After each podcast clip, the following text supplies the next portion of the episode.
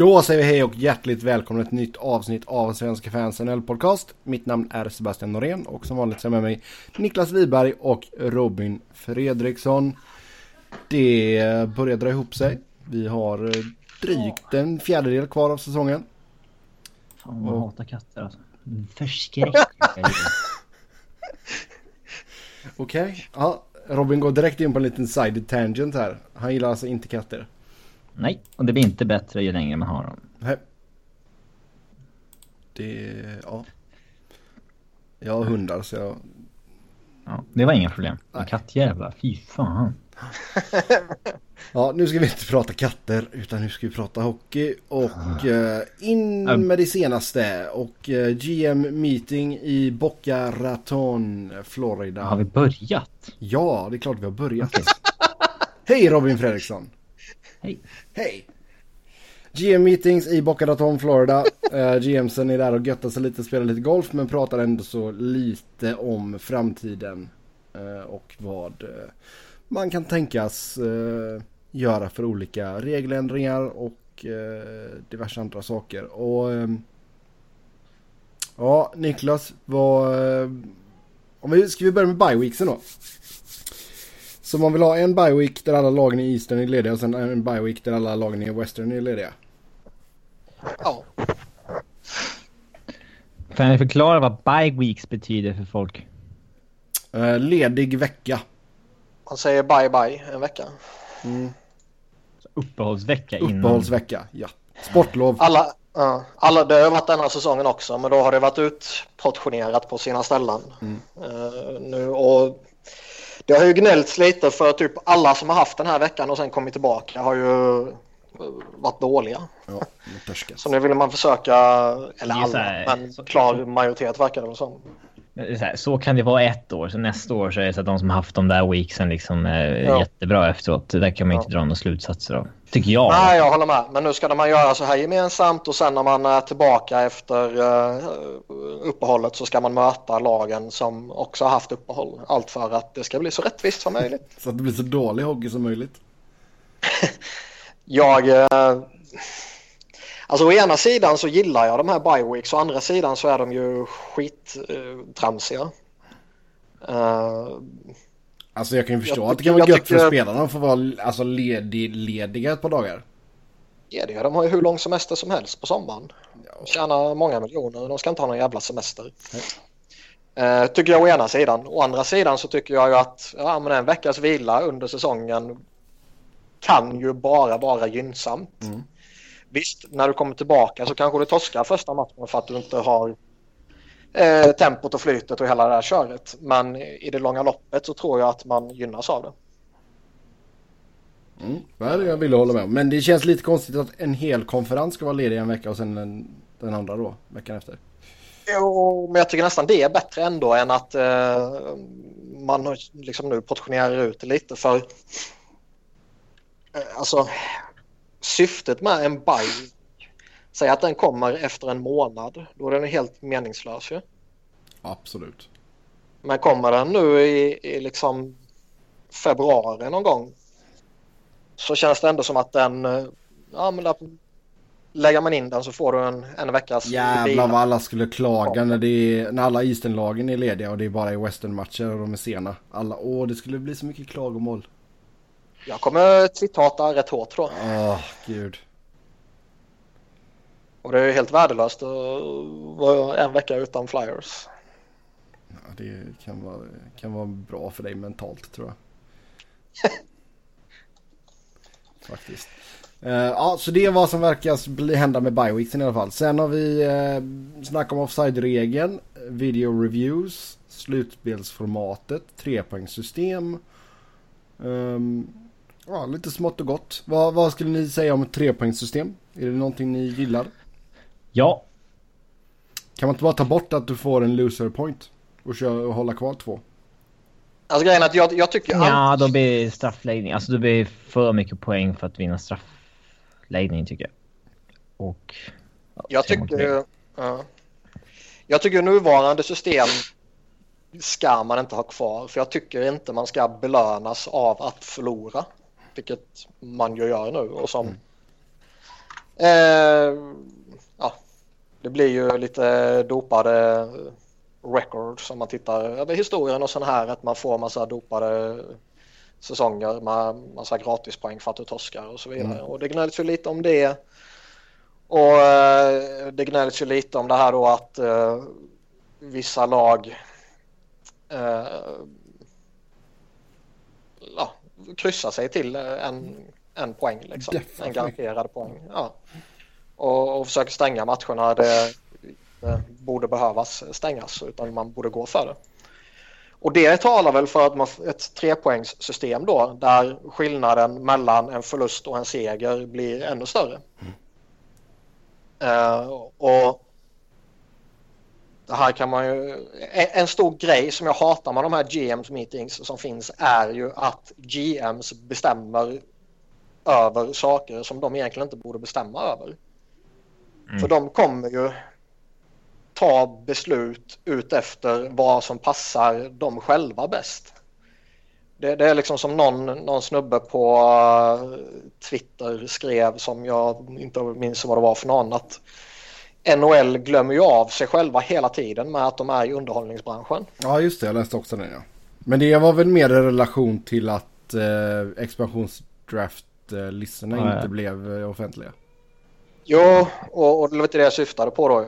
Men, men det är ju också det här att eh, liksom, de tar beslut som inte eller tar beslut, de röstar om saker och föreslår saker och sådana här saker mm. som då inte eh, är i ligans eller supportrarnas bästa intresse.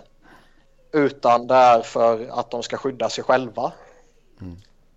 Och, och, det kan man ju liksom koppla in både på det här med att de sitter och beslutar om trepoängssystem eller tvåpoängssystem. För de vill ju givetvis ha förlorarpoängen. För det är ju det de kanske behåller sina jobb på. Jo, exakt. Um, personligen så vill jag ju antingen ha det klassiska trepoängssystemet där du får tre poäng efter ordinarie tid, två poäng om du vinner förlängning straffar, en poäng om du torskar förlängning straffar och noll poäng om du torskar ordinarie tid. Om man nu envisas med att behålla eh, förlorarpoängen. Jag tror det var Uncle Lou som sa att eh, om man ska byta så föredrar han i så fall eh, ett tvåpoängssystem där du inte har förlorarpoäng. Ja. Och då kanske jag tycker att då ska du ha två poäng för seger efter ordinarie tid och så ska du ha en poäng efter seger i förlängning eller straffar och så noll poäng oavsett hur du förlorar. Ja, den är väl inte helt fel. Den tycker jag lockar mig mest tror jag. Även, Även om jag föredrar båda framför det nuvarande. Mm. Eller så tar man bort övertiden och straffarna och så blir det oavgjort efter fulltid så får ingen poäng. Fast 3 mot 3 är så jävla skoj så man kan inte ta bort overtime. Okej, okay, men du kan... 3 mot 3 är inte vad det var när det kom för coacherna har ju liksom... Jo, de hittar ju sätt att döda det. Men, jo, jo, men det är fortfarande roligare än straff. Jag gillar... Ja. Eh, jag gillar att matcherna avgörs. Jag gillar inte att det blir oavgjort och bara slut så. Alltså, eh, jag som är född lite senare är ju uppväxt med att det alltid har varit så i hockeymatcher liksom. Att de avgörs typ. Um, så att... Um, jag vill inte ha oavgjorda matcher. Så ja, jag tycker vi ska ha det som i Sverige. Det är inte ofta NHL borde ta, över, ta efter SHL, men... Tre poäng för vinst och två för overtime. Det är ja. så det borde vara. Okej. Okay. vad säger vi om det, att... Det, ja. det, nuvarande systemet gör det ju också svårt att antingen rycka i tabellen eller att käka upp eh, avstånd till ja. de som ligger framför dig. Jo, du måste ju gå på sådana jäkla streaks. Ja, och, och, det delas ut tre poäng i jättemånga matcher så det blir liksom det är ju charmigt på ett sätt att det blir så tajt som det oftast blir men det är också svårt och som sagt klättra eller ta igen eller hålla undan eller vad man nu uh, vill göra. Mm. Det borde ju rimligtvis eh, underlätta om du får fler poäng. Ja, absolut. Eller att man inte får den här loserpoängen som sagt. Ja. Ja. Eh, det här med att expansions, alltså de spelarna som blir skyddade då, att den, de listorna inte blir offentliga. Det kan jag känna är riktigt dåligt. Men det är ju så tramsigt för de kommer ju bli offentliga ändå ju. Ja, men tycker klubbarna att det är roligare att det liksom Bob McKenzie och Pierre LeBrun och de ska sitta och twittra ut vilka de har protectat än att de bara går ut med det själva? Liksom. Ja. Det var, jag läste någon som hade någon anonym snubbe som hade pratat om att nej men det här med arbitration det kan skapa så kass relation mellan klubb och spelare och det är väl lite skraja för att det här skulle göra också. Det är ju också rent jävla skitsnack för det handlar ju bara om att de inte vill eh, utsätta sig själva för kritik. Mm. Mm. Där liksom, vad ska vi ta som ett exempel där Ken Holland liksom skyddar Riley Sheehan och exponerar eh, Tatar eller någon. Ja, Tatar. Någon, någon vettig sådär liksom. Nu kommer jag inte på någon vettig i Detroit. Det är inte lätt. Nej, så det var kanske ett dåligt exempel. Men Ken Holland är ju galen så det var ett bra exempel på det sättet. Ja, men han kanske skyddar eh, Howard istället för Mrazek. Ja, och, och liksom det handlar ju bara om att de i någon form av naivitet vill skydda sig från den kritiken. Men de borde ju också fatta att de här listorna kommer ju oundvikligen att komma ut. Antingen läcker det ju från NHL-kontoret när de får in listorna eller så är det ju någon snubbe någonstans som skickar hela listan till Bob McKenzie eller så kommer ju de olika lagen ha läckor så att det kommer ut till någon beatwriter här och där och någon läcker till LeBrun och sådana här saker. Ja, alltså alla Eller kommer göra allt det... sin för makt för att få reda på det här. Liksom. Det kommer... Ja. Och i, i, värsta fall så dröjer det väl en månad eller två innan det kommer ut. Liksom. Men det kommer ju oundvikligen att komma ut. Så de är ju extremt naiva om de tror att de kommer skydda det här. Ja. Och någonstans måste det ju vara bättre då att liksom sköta den kommunikationen själva. Mm.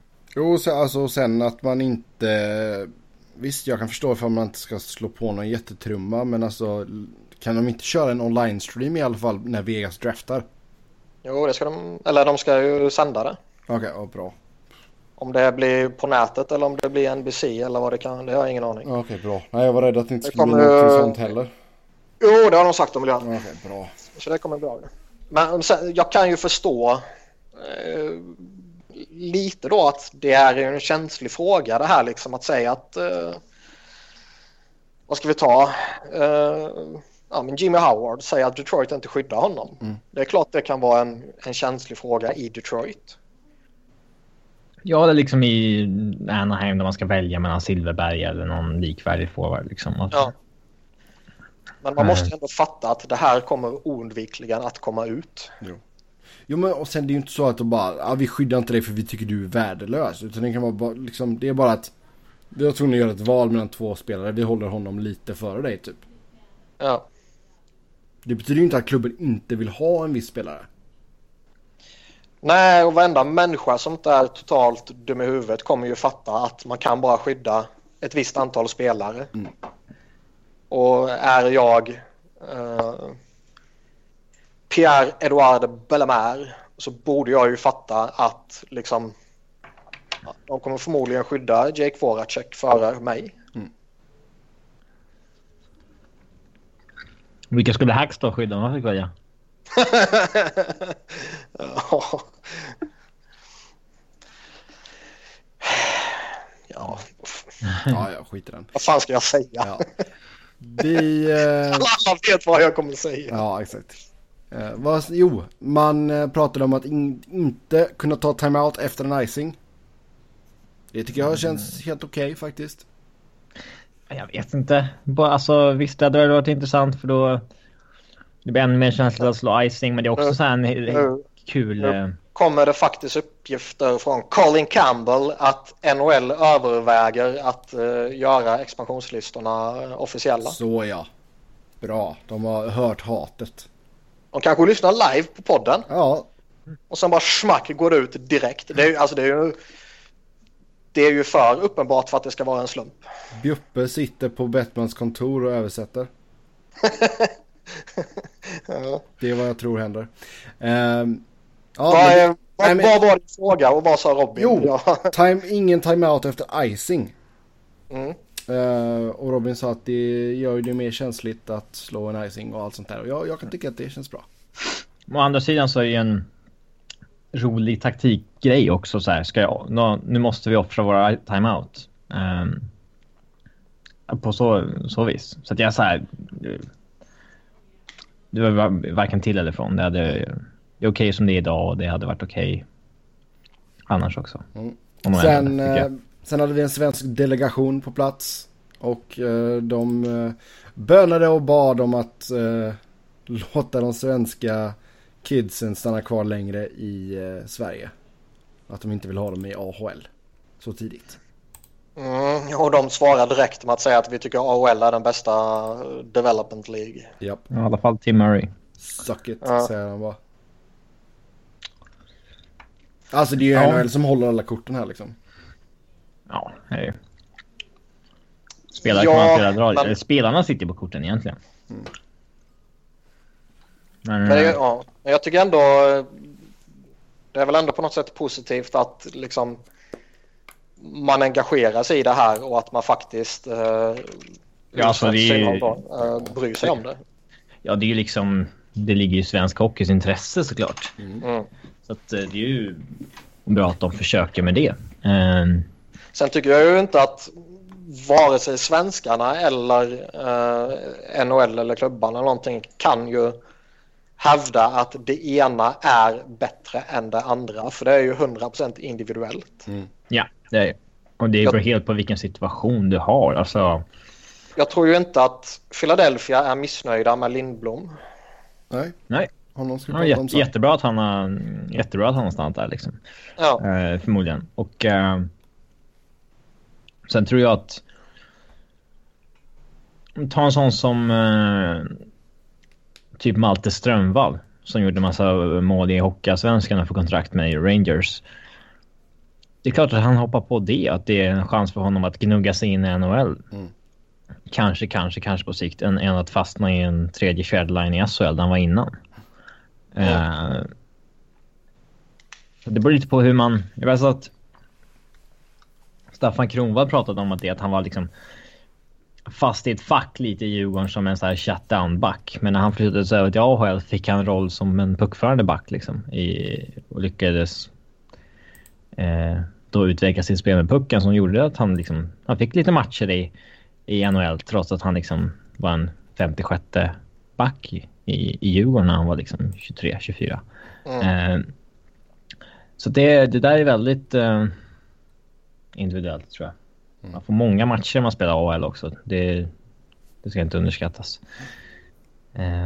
Så det är helt från spelare till spelare och framförallt från person till person vad man är för liksom, människa. Henrik Zetterberg har sagt att han aldrig någonsin skulle varit mogen för att flytta till USA när han var 18 typ som, eller så här, säger, ja, vad var Landeskog 16 tror jag. Mm. Eh, men eh, jag vet att Landeskog också är en av de som har... Jag menar, han blev erbjuden 80 lax i månaden eller någonting i Djurgården när han var 17. Eh, men det var ju en tredje, fjärde line han skulle gnugga liksom. Och eh, då kan han alternativet sticka över till Kitchener Rangers, spela första kedja, utveckla sitt offensiva spel. För han var inte någon poängkung i 20 liksom. Eh, jag tror att det var rätt val för honom. Mm. Eh, Att, ja, helt från person till person. Men eh, det är ju... För svensk hockey skulle det ju kul om folk stannar så länge som möjligt. Ja, det köper jag absolut. Men eh, som du säger, det är helt individuellt. Jag menar, hade, personligen så hade jag hellre tagit den första... Jag hade ju hellre gjort som Landeskog, gå och lira första kedjan i Kitchener liksom. Ja, om man inte tänker på lönekuvertet. Mm. Ingen lön där. Så, eh, mm. Vi får se om det får någon effekt. Men eh, Tim Murray var snabb att säga nepp, nepp, nepp, nepp, nepp. Ja, man förstår ju klubban också. Även om väldigt många spelare kommer ha en bra utveckling i eh, Sverige eller om det är Finland eller Tjeckien eller whatever.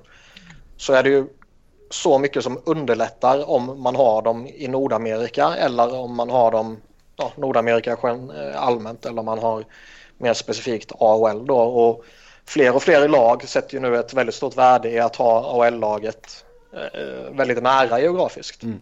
Mm. Man vill ha ett bra AL-lag och sen så är man ju oftast ett liksom, kontrollfreak också som coach eller GM. Så att man vill, man vill ha kontroll på de spelarna man har investerat i. Mm. Man har ett kontrakt man har draftat. Eh, man vill liksom inte släppa ifrån sig kontrollen över liksom, kommer den här killen spela powerplay eller inte. Eh, Tim Murray, nyss nämnda, toksågade ju Djurgården 2011-12 för att eh, Mika Zibanejad inte fick den rollen han tyckte han förtjänade när de lånade ut honom tillbaka till Djurgården. Men då var Djurgården i en situation där man höll på att åka ur och åkte ur. Så de kan ju inte hålla på att liksom sätta Zibanejads utveckling i första hand. Nej. Eh, så att man, det är kanske inte alltid det bästa att skicka tillbaka dem. Det beror, ja, det är mycket... Det beror på vad... Man får ju ta varje fall och säga okej, okay, vad, kan han, vad kan man få för roll och vad kan man erbjuda honom i AHL? Vad kan man få för roll och vad kan man erbjuda honom i SHL? Eh, personen mogen för att resa över? Skulle det gynna honom? Eller skulle det liksom... Ja. Det är ett stort... Dialog helt enkelt mellan de olika klubbarna och spelaren. Mm. Mm. Lönetaket förväntas hamna på eh, någonstans mellan 75,5 till 76 miljoner dollar. Beroende på vad spelarfacket vill. Eh, ja, och det är ju en trevlig ökning. Ja. På, på, på, ett sätt är det ju skoj när det inte blir någon ökning. Eh, I synnerhet för lagen som eh, tar Chicago till exempel som spenderar jävligt mycket pengar på sin stomme och verkligen behöver vända på varenda krona för att få ihop helheten. Mm. Så det är ju skoj när det inte blir någon ökning då. För väldigt många förväntar sig ju någonstans att det varje år kommer bli en liten ökning. Eh, och det tar man säkert med i beräkningarna när man gör ett mer långsiktigt planering. Liksom. Mm. Eh, men eftersom jag själv supportar ett lag som brukar spendera upp till max så tycker jag det är bra att det ökar. Ja, vi får se vad vissa av de här lagen hittar på nu. Tror du vi får se mer sådana här döda kontrakt eller? Vad sa du att? Tror du vi kommer få se mer döda kontrakt alla Datsuk? För lagen som måste upp över golvet menar du? Eller ja. vad? Ja, finns alltså, det, inte det finns ju inte så jättemånga. Det som finns är ju de som är uh, långtidsskadade. Liksom. Det börjar ta och där, och där, ja, men de finns ju ändå. Men sen är det ju vissa som... Ja, vissa är försäkrade, vissa är inte försäkrade. Och Arizona kan ju inte ta på sig Nathan Horton till exempel som inte är försäkrad. För då behöver de betala Mm. all hans lön. Medan för Toronto så... Ja. Det är ju skitsamma för dem ju. Mm. Men Så- det måste ju, det, ja det är som Robin sa, det finns ju inte jättemånga. Och sådana stora som Datsjuk-fallet är ju liksom, det är ju ett extremfall ju. Jo. Utan det man, får, det man får hoppas på i så fall är ju att det blir skador, nya skador. Och det vill man ju inte hoppas på. Säger du skrattande. Eh, Ja, Ja, sen ser det inte ut som att det blir några NHL-spelare i OS eh, nästa år i Pyeongchang. nej det var väl Bettman som var ute och jiddrade om att det såg mörkt ut. Mm. Men eh, det kan ju också vara jättenära och det bara är en sista liten detalj som de ska enas om och eh, IIHF eh, liksom vägrar släppa den detaljen och så vill Bettman sätta press på dem. Alltså det, från vad jag läst till mig så är det väl Olymp Internationella Olympiska Kommittén har ju betalat resa och försäkringskostnader. Mm. Eh, Ja, men det har det ju NHLs krav varit hela tiden. Ja. NHL vill ju under inga omständigheter bekosta det. Liksom. Nej. Så det kommer nog ner till pengar där faktiskt. Bara. Ja, det är klart. Ja. Det, allting grundar sig i pengarna. De vill inte gå miste om några intäkter. Sen är det ju lite lustigt på ett sätt liksom att de, de ser ju typ två veckors uppehåll under säsongen som att vi tappar intäkter. Men det är ju inte så att de ställer in fyra matcher var för lagen. Nej. Nej. Ehm, och, och någonstans borde man ju ändå se att Men det är ju en period där... Jag vet inte, jag har hört eh, någon twittra om det. Att det just då så är det typ inget NBA eller NFL eller baseball eller ja, allt annat de håller på med. Mm. Eh, så det är en period där NHL vill ha liksom chansen att vara i the spotlight. Ja. Jo, men det, det, jo, så är det ju. Men det kommer, man, man, bo, någonstans borde man ju se att det är liksom gynnsamt att de bästa spelarna går upp mot de bästa spelarna på en internationell scen. För jag menar OS, det finns väl inget större idrottsevenemang? Och, och liksom pumpa ut OS till hela världen. För hela världen tittar ju inte på NHL, men hela världen tittar på OS. Och det är inte så att alla sitter och tittar på hockeymatcherna, det är inte det jag menar. Men någonstans borde man ju fatta att ja, det kanske finns ett värde att skicka dit dem. Eh, Även, även om vi inte märker det i pengar direkt in i vår kassa så får det liksom man bygger sitt varumärke, man bygger sitt, eh, liksom att fler folk blir medvetna om att NHL finns eller hur jävla bra spelarna är. Mm. Eh, Det, det borde man ju fatta liksom. Men du tror det mesta handlar i alla fall om pengar och inte att det är just det att det är i Pyeongchang? Nej, det tror jag är skitsamma. Kan de- Alltså hade det kan- varit i kan Vancouver inte- så hade det klart. Jo, då skulle det blivit av ju. Men kan de skicka till Sochi kan de lika gärna skicka till Korea ju. Mm. Men det, all, allting grundar sig i pengar. Japp, vi får se ifall man kommer överens där helt enkelt. Eh, mer och mer snack. Eh, nej, först ska vi gå till Vegas såklart. Vegas har signat sin första spelare, Raid Duke från Brandon Wheat Kings. Eh, 21-årig ytter. Slash center. Mm. Det här som alla säger, lägg namnet på minnet för det kommer vara en sån här typisk trivia question. Mm. Calgary Boy. Ja, det var väl, om jag minns rätt, så var det väl Minnesota-draftad snubbe som inte signade med dem. Japp, sjätte rundan 2014. Ja. Och han har väl gjort eh, hyggligt VHL. Ja. Eh, kommit upp eh, två säsonger i rad över 30 baljor. Eh, Det är attraktivt att signa för Vegas som en sån spelare idag. Man kanske kan få liksom ett gratischanser. Det är svårt att veta vad de får ihop för lag. Men eh, Ja, och någonstans känns det liksom lagets första signing. Han kommer förmodligen få en chans till under training camp än vad random snubbe som signar från Europa kommer få. Liksom. Ja, ja, herregud. Det finns ju lite, lite status och lite marknadsföring och lite sådana grejer som man kan hitta i att liksom, det här är den första snubben vi signade. Nu går han in i våran uh, topp 6. Ska vara lite av en allround-spelare enligt scouting-rapporten. Ja, Mm. hade aldrig någonsin hört talas om honom men han kan nog bli spännande. Mm. Sen eh, sägs man även sikta sig in på Marc-André Fleury. så sikta sig in. Det beror, vilka är det som blir tillgängliga är den stora frågan. Men eh, det är klart att Fleury är väl ett intressant namn om han hamnar där. Det är väl inget konstigt med det egentligen. Men eh, det behöver ju inte heller vara eh, expansionsdraften. Nej, det. Ja, bör det vara.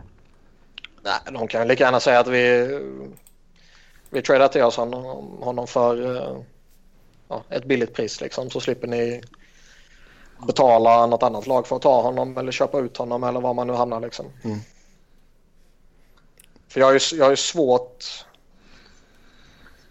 att se liksom att Pittsburgh bara vill sätta honom på, eh, alltså exponera honom. Eh, har man chans att få någonting för honom så bör man ju ta det. Ja, herregud. Och Ve- Vegas kan ju inte bara luta sig tillbaka och iskallt räkna med att han kommer exponeras. Då kan det sluta med att han hamnar i Carolina eller någonting. Men att man Ja. kommer, alltså oavsett så tror jag man skulle kunna ha två bra målvakter i expansionsdraft. Ja, det kommer man få. Ja. Det är inget snack. Oh ja. Om man inte väljer helt galet såklart. Jo, jo. Men om man har någonting mellan pannbenen så. Ja, men ja. Tänk på att det är samma GM som bytte Martin Erat mot Filip Forsberg. Ja, det är i och för sig sant. Fan, han, han, han gjorde ett sånt vettigt lag i Washington under lång tid så han kommer bara bli ihågkommen för det där. eh, men... Eh, eh, vad skulle jag säga? Eh, alltså, även om de skulle välja till Jimmy Howard så är de ju fortfarande liksom... Alltså, de, kommer, de kommer inte ha skräp på målvaktssidan. Nej. Nej, nej, inte alls. Den kommer de väl sätta. Man kan vara väldigt eh, suspekt inställd till laget i övrigt känns det som. Men målvaktspositionen bör ändå vara OK. Framförallt bör den ju vara så pass mycket bättre än vad de andra expansionslagen har fått. Mm. Känns det som. Mm. Ja. Det kan man väl i och för sig säga om alla positioner, men målvakterna i synnerhet. Vi har ju snackat många gånger om att liksom, det finns fler än 30 målvakter som kan vara första målvakt i NHL. Och det, det, är många, det har vi sett. Mm. Eh, så att... Mm, Sen, mer och mer snack om att veteraner inte vill till Toronto på grund av hur Brooks Leach och Milan Mihalek behandlats. Exakt vilka, alltså de har liksom petats eller? Ja, de har dumpats ner i AHL. Och nu tror jag det är jättemånga kombinationer jag tror det kan avskräcka lite sådär. Uh, typ Valtteri Filppula nobbade en trade till Toronto och det är en eller två andra som jag inte minns vilka fan det var. Uh, men oavsett vilket, liksom, i Fulpulas fall kan det mycket väl vara att nej, jag hatar Mike Babcock. Mm. Jag vill inte spela under honom, men det kommer han inte gå ut och, och säga liksom. Så då kanske man läcker på något sätt att eh, nej, men jag gillar inte riktigt hur de här veteranerna har behandlats där. Istället för att nej, jag hatar Mike Babcock. Mm. Och det är några som pekar på det här att uh, Ehm, eh, kanadensiska dollarn och skatter och sådana här saker. Men det är så, saker som sånt kan ju påverka givetvis men det är ju inte heller saker som man liksom Nej, jag nobbade Toronto för att jag inte tjänar lika mycket pengar. Nej, det säger man ju typ inte. Nej. Nej. Men så kan det ju mycket väl vara. Ja, herregud. Alltså, Liksom, speciellt, kan man verkligen när klandra... du går från eh, Florida som inte har någon inkomstskatt. Mm. Kan man verkligen klandra liksom Toronto för att de skickar ner Michalik och Lage? Alltså... Nej, det säger de jag två har ju, De två har ju liksom ihop gjort tre mål på 43 AHL-matcher nu. Ja, nej, jag säger inte alls det är fel. Uh, men vi, vi, vi märker ju titt som tätt ändå att väldigt, alltså för min del chockerande många spelare har ju typ inte koll på ligan. De sköter bara sitt liksom. Mm. Och det kan ju mycket väl vara här med liksom, ja men Lecce och, och Michalek är två respekterade veteraner. De har gjort fina karriärer i NHL. Helt plötsligt är de nere i AHL. Det ska jag nog vara skraj för nu när jag börjar komma en bit över 30-årsstrecket. Jag vet inte, men det, jag kan tänka mig att de resonerar på det sättet. Jo. Mm. Sen uh, Brennan Gormley går till Ottawa i utbyte mot Future Considerations till New Jersey. Mm, han vill ha lite dept. Ja. Uh, ja, han har ju nu. förfallit rätt, uh, rätt saftigt. Hårt. Ja. ja. Rätt hårt. Sen säger vi stort, stort, stort, stort, stort grattis till Joe Thornton 1000 assists på den skäggige mannen. Ja. Det är mäktigt. Ja, det är bra. Vad var det? Trettonde spelaren som gjorde det, va? Har jag för mig. Oh, jag vet inte. Ska... Se efter. Mm. Snabbt på tangentbordet här nu, Robin. Snabbt. Mm. Ge oss listan över vilka som är med på den. Okay. Ja, trettonde. Mm. Joe Sakic, Mario Lemieux, Marcel Dion, Gordie Howe, Steve Eisenman, Adam Oates, Paul Coffey, Jaromir Jagr, Colorado-legendaren Raymond Burke, Mark Messier och Ron Francis och sen uh, min buddy Wayne Gretzky. Ja, mm. St. Louis Blues-legend. Ja. ja. det är ganska bra sällskap ändå får man ju säga ett väldigt bra sällskap och i synnerhet att kräma fram tusen poäng i den här, eller tusen assist i mm. den här eran är ju väldigt fett. Mm. Och det är inte helt omöjligt att han kommer klättra en bra bit upp på den om han spelar lite till, vilket han förmodligen kommer göra. Han kommer ju gå om... Bara han spelar en säsong till så kommer han ju gå om... Um, Saki Clemio Dion i alla fall. Ja, och Kanske Howe också. förmodligen kommer han väl spela mer än en säsong till och han bör ju på två eller tre säsonger till som man kanske kan känna är inte direkt orimligt att han spelar. Ja. Bör han ju ta sig förbi Adam Oates på eh, 1079 Ja. och hamna Mm. sjua. Den Och det var inte upp. schysst. Mm. Och sen är 1135 till Paul Coffey. Det, det är inte omöjligt på något sätt. Men det är väl ingenting man kan Då har han. Jagr i, då har han Jagr i hockeyhäl också. Vi får se vad Jagr landar på såklart. Men, eh, Spelar ja, tre år till. ja, Sluta hata på Jäger nu. Ja, ska vi hata på Jäger tar vi in Simpa. Olli Jokinen signar endagskontrakt med Florida och går i pension. trams. Ja. Jag visste inte att han fortfarande var icke-pensionerad. Senaste säsongen han gjorde var ju 14-15 där när han hoppade mellan eh, Preds och Leaves och Blues. Och Ja, men- har officiellt inte gått i pension vad det verkar som. Ja, men vad, vad fan ska de låtsas som att han är värsta legendaren där för? Det är ju... Ja, fy fan. ja. Ja, nej, nej, det är ju skit ju. Men eh, jag var mest fascinerad över att han fortfarande ansågs som aktiv. Ja. Mm. Sen Joshua Hosang väljer att spela i nummer 66. Själv säger han att det är den eh, ultimata, eh, ja vad ska man säga, respekten till Mario Lemieux. Det är en, eh, en hyllning till Super Mario. Ja, det... Den här kontroversen är ju, jag hatar den så hårt för den är så tramsig. Den enda gången som det här skulle vara ett problem det är om han kommer till Pittsburgh, ska reppa Pittsburgh och säger jag ska spela i 66. Vadå, har de inte pensionerat den? Ja, det... Ja. Ja, tack. ja, då Fan, går det det. är- De funderar på det. Ja. Fan, Ä- ägarna ska ta ett beslut det om är ju det. en icke-fråga. Det är en icke-fråga, han kan ju inte spela i den. Nej men jag menar det skulle inte förvåna ett dugg om det kommer någon uh, ung uh, pojkvasker och säger att jag ska spela i det numret jag alltid Jo, spelat i. men då slår du han i huvudet med en iPad och säger han, säger till honom att gå och lägga sig. Ja, ja, det är klart. Men det kan ju mycket väl vara någon som säger det. Ja. Men eh, ja, nej, jag, jag, jag fattar inte. Ja men vadå, han får, han, liksom. nej, vadå, han får lira i 66 om han vill det. Det är ju inte så att det, det är ingen tröja som är pensionerad över hela ligan liksom. Problemet är ju att Gretzkys är pensionerad och det finns jättemånga som anser att om han är pensionerad så ska de ju vara det också. Ja.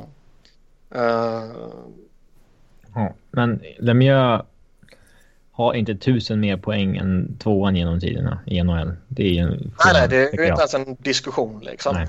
Om det, jag, jag tycker att man kan föra starka argument för att Gretzky inte ska vara pensionerad runt om i ligan samtidigt som jag tycker att man kan föra starka argument för att det är rätt rimligt.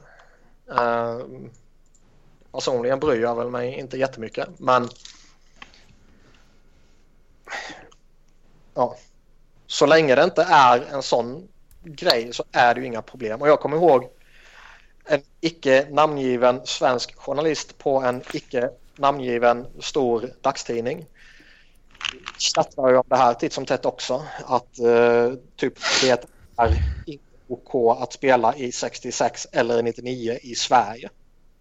Ja, det var en del som inte gillade att Marcus Sörensen hade 66 i Djurgården och att Oskar Fantenberg hade 66 i Frölunda. Ja. Det, det är ju Och det är också trams. extremt tramsigt och, och liksom Fan, jag kommer på, det kommer få slut på nummer om de ska hålla på så här liksom. Ja. Däremot, jag, jag kan ju säga det, jag längtar så jävla hårt till den dagen då nästa spelare i Philadelphia vill ha nummer 66. Mm. Vi har haft Yannick Dupree som hade det under en period. Och det var ju tidigt 90-tal liksom tror jag. Um, Jag längtar till... Eh, kommer det ta hus i helvete i Pittsburgh. För det är ju bara, det är bara de som bryr sig. Och precis som vanligt så är Pittsburgh roten till allt det onda. Kommer Nej. argumentera för att både 66 ska pensioneras över hela ligan och sen när Crosby lägger av så vill de ha hans 87 pensionerad också. ja. Och så kan de ha Malkin också. Mm. Men det, det man verkligen ser fram emot är när 99 ska välja tröjnummer i Sverige. Mm. De som är födda 99. Det kommer ju vara en drös av dem som kommer vilja ha 99 som nummer. Ja. Kör bara. Ja. Faktiskt. Vart Ja, det lite, vart det lite men- grann Bäckström körde med 99 i KL också? Det minns jag inte ens. Ja, då har han 99 Under lockoutår. Ja. Ja. 19 var upptaget tog han 99. Då så. Mm. Eh, ja, så Hosang, do you. Det är allt vi säger. Hur ser vi på slutspelsracet? Det är Mm, som sagt inte så många matcher kvar här nu. Eh, och om vi börjar med att titta i Eastern Conference så hittar vi eh, Washington i topp på Metropolitan 95 pinnar i inspelande stund. Och sen har vi Columbus och Pittsburgh på 90. Eh, Rangers är ju också en del av Metropolitan. De ligger på första wildcard-platsen med 88 poäng och Islanders har 73 på sista wildcard-platsen. Atlantic, Montreal i topp 84 poäng, Ottawa 2 80 poäng och Boston 3 76 poäng. Lagen som jagar, det är väl eh, som vi kan, eh, ska vi slå fast här, Toronto, Philadelphia, Tampa Bay och Florida. Ja, de andra kan man nog räkna bort helt och hållet. Mm. Ehm, det är väl de fyra. Någonstans så... Det enda laget som jag nog på riktigt tror är i farozonen är väl Islanders. Boston, Boston har gått bra nu på slutet. de har gått bra och jag tycker ändå de har en så pass bra stomme från Tokarask och liksom eh, centerbesättning och Brad Marchand och, och sådär liksom att de ska fan hålla ut. Men visst, det är ju inte heller chockerande om de skulle tappa. Nej, alltså Toronto har två matcher till godo så de kan ju gå upp på samma poäng där. Eh, jag tror väl i, i slutändan så kommer det nog vara Toronto och Tampa som ger det gör en kamp av det hela. Jag tror Florida och Philly de kommer nog falla av om tio matcher liksom. Alltså du fick inget nytt nyvunnet förtroende för eh, Flyers efter 6-3 vinsten över Buffalo. Ja, det var ju trevligt att de gjorde mål. Och då, Valtteri Filppula har ju varit en jättefin förstärkning. För första gången på evigheter så har man ju tre bra centrar och det är ju värt hur mycket som helst i ligan. Eh, Men- de, har sett, de har sett bättre ut både ögontestet och liksom lite statistik också. Så de, de kommer förmodligen göra en liten push här nu men jag tror ändå i grunden så ser jag väl Toronto och Tampa Bay som större hot. Mm. Jag, jag kommer inte ihåg exakt när det var men det var ett tag sedan tillbaka. Jag satt och kollade på några matcher och snackade om, om eh, just det här att det är väldigt sällan vi ser lag ta sig till ett slutspel som har minus i eh, målskillnad. Men nu ser det ut som att vi kan få alltså till och med kanske tre lag i slutspelet som har, ligger på en minusmålskillnad. Ja, men alla de är ju bara någon handfull mål. Ja, ja, absolut. Det är ju inga stora siffror. Men jag menar, skulle säga, säga, att, minus säga att Philly skulle lyckas klämma sig in. Man ligger på minus 23 just nu. Ja, nej, då är det klart. Men sen samtidigt så målskillnaden kan ju vara rätt eh, sneddopad åt olika håll baserat på tre stycken förluster eller tre stycken segrar. Mm. Ja, du menar när man går och förlorar med 10-0? Eller 10-1? typ. Eh, jo, jo, det är sant. Men det är inte så ruggigt alltså. Jag menar, du kollar på du Washington som ligger plus 73. Ja, jo. Caps är bra. Ja. Ruggigt bra. Vinner de inte det detta året så, ja. Kanske de aldrig vinner. Eh, nej, kanske. Lite så. Western Conference. Eh, toppen av Central Division lite med Minnesota 90 poäng. Chicago 2 89. Nashville 3 74 så jäkla dropp där. Eh, Pacific. San Jose topp 85. Sen Edmonton och Anaheim på 78 pinnar vardera. Första wildcardplatsen Calgary 76 poäng. Sista wildcardplatsen St. Louis 71 poäng. Eh, lagen bakom där LA 68, Winnipeg 66, Vancouver och Dallas 64. Det ska väl egentligen bara vara Dallas, eller vad säger jag, eh, LA och St. Louis som gjort på de sista. Ja, alltså, Calgary kan ju tappa också. Det är, det är faktiskt inte så många poäng. De är inte ett så bra lag. Jag tycker Nashville borde kunna hålla ut. Uh, I grunden är de så pass bra så de ska inte ha några problem tycker jag. Mm. Å andra sidan så sa man det efter 20 matcher också typ. och det har inte hänt något jättemycket. Men uh, ja, spontant känns det väl som Blues och Calgary gör upp med Kings. Mm. Winnipeg sitter man också bara och väntar på sådär utan att något händer. Försvaret har ju varit alltså, så alldeles för dåligt. Uh, han har inte fått riktigt bra ordning på med Hellback heller. Nej. nej, nej, nej. Det har ju påverkat dem rätt hårt negativt. Vancouver kommer ju inte utmana liksom. Dallas känns det som att det är lite för tunt där också. Ja. Colorado kan vi nog avskriva. Mm. ja. Är de matematiskt körda än? Ja, eh, de behöver vinna. De behövde vinna 16 av de sista 18 matcherna för att komma upp i lika många poäng som Leafs hade i fjol som kom sist då. Ja, okej, okej. Ja. Shit alltså. 39 alltså det är faktiskt, poäng. Eh, det är faktiskt... Eh, Minus 89 ska vi lägga till där också. Men det är faktiskt ett mysterium att de är så... Alltså för tittar man på liksom rostern... Liksom. ja men liksom tittar man på rostern och sådär alltså... Det här laget ska ju inte vara det sämsta genom liksom NHLs historia. Så är dåligt det är ju liksom inte laget. Det är, Nej. det är faktiskt... Mm. Det är lag som aktivt har försökt vara dåliga. Som inte är lika kassa. Mm. Mm. Skicka in din arbetsansökan nu Robin. ja, för fan ska vi ha honom som GM eller coach? Gå in, släng in honom som GM. Släng in Robin som GM. Då jävlar. Uh. Stora pending UFAs de kommande åren. Hur ser vi på deras framtid? Eh, vi har en drös med namn här. Eh, Rick Nash. Ska vi börja med honom? Mm. Rick the Dick. Mm, det säger du varenda gång jag säger hans namn. Mm. Är han snabb? Niklas säger också det. Ja. Det hör till liksom. 33 år. Och han är alltså 34 då när kontraktet går ut. Mm, en säsong kvar efter denna på 7,8 miljoner. Jag tror inte han kommer få lika mycket. Nej, det ska han inte ha va? Nej, det är klart han inte ska. Nej, hälften kanske. Uh, ah.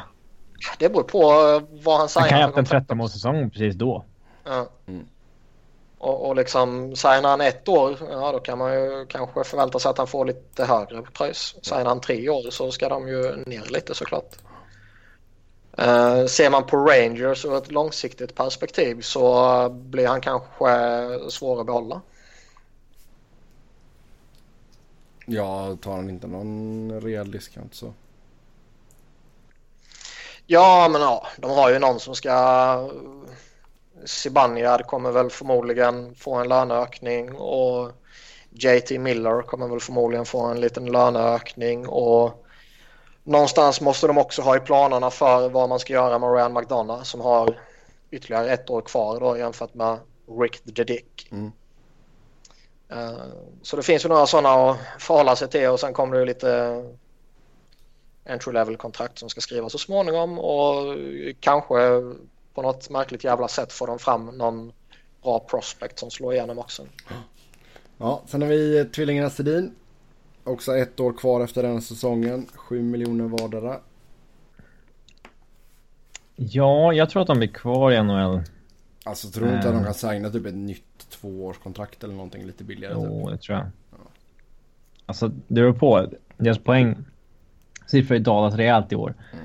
Eh, eller i år. Alltså de, de har inte haft bra... Tre av de fyra senaste säsongerna har inte varit så bra. Eh, men de är också ombedda att bära hela det där laget för ensamma. Eh, så att... Eh, Om de stannar i NHL så känns det ju som att det bara är Vancouver. Ja. Mm. Så det är väl Modo eller Vancouver. Hur går det för Modo? Det väl Ja, de, klarade, de åkte inte ut. Det var ju, det var ju på håret där, men det var... Och det ska de vara glada för. Mm. Eh, Men visst, när det där kontraktet är eh, slut så kanske Modo har gått upp i SHL igen och då kanske det lockar. Jag, jag tror att det är spelare som kommer spela i eh, Modo igen i alla fall. Det tror jag med. Om de inte ligger i typ division 2. De gör det ändå vet du. Kanske, men då kanske det inte lockar så jättemycket. Sen har vi Mikko Koivu i Minnesota. Eh, Ett år kvar efter denna säsongen. 6,75 miljoner. 33 år gammal. Finländare. Kapten. Han, han har haft en riktig revival. Eh, så att eh, 33... Mm. Det känns ju som att om han klappar igenom 34 om några dagar. Alltså 35 när kontraktet har gått ut.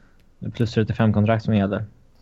Om inte han klappar igenom fullkomligt sista säsongen så känns det ändå som att han är kapten, han är respekterad veteran, han har varit där så pass länge och hela det här köret att de bör ju slänga upp ett kontraktserbjudande till honom. Mm.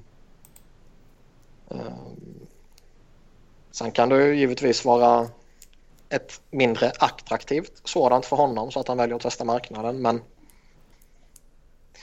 Nå- någonting säger mig att de har en känsla av att vilja ha kvar honom. Ja, absolut. Det tror jag också. Sen har vi Carey Price. Eh, hur dyr blir han för Montreal? Eh, ett år kvar efter den här Sträckan säsongen. 10. 6,5 miljoner har han just nu. 29 år gammal. Jag vet inte om han fyller 30 år eller nästa år. Det är 10 gånger 8. Det är ju för mycket för målvakt. Inte om han har varit ligans bästa i 4-5 år.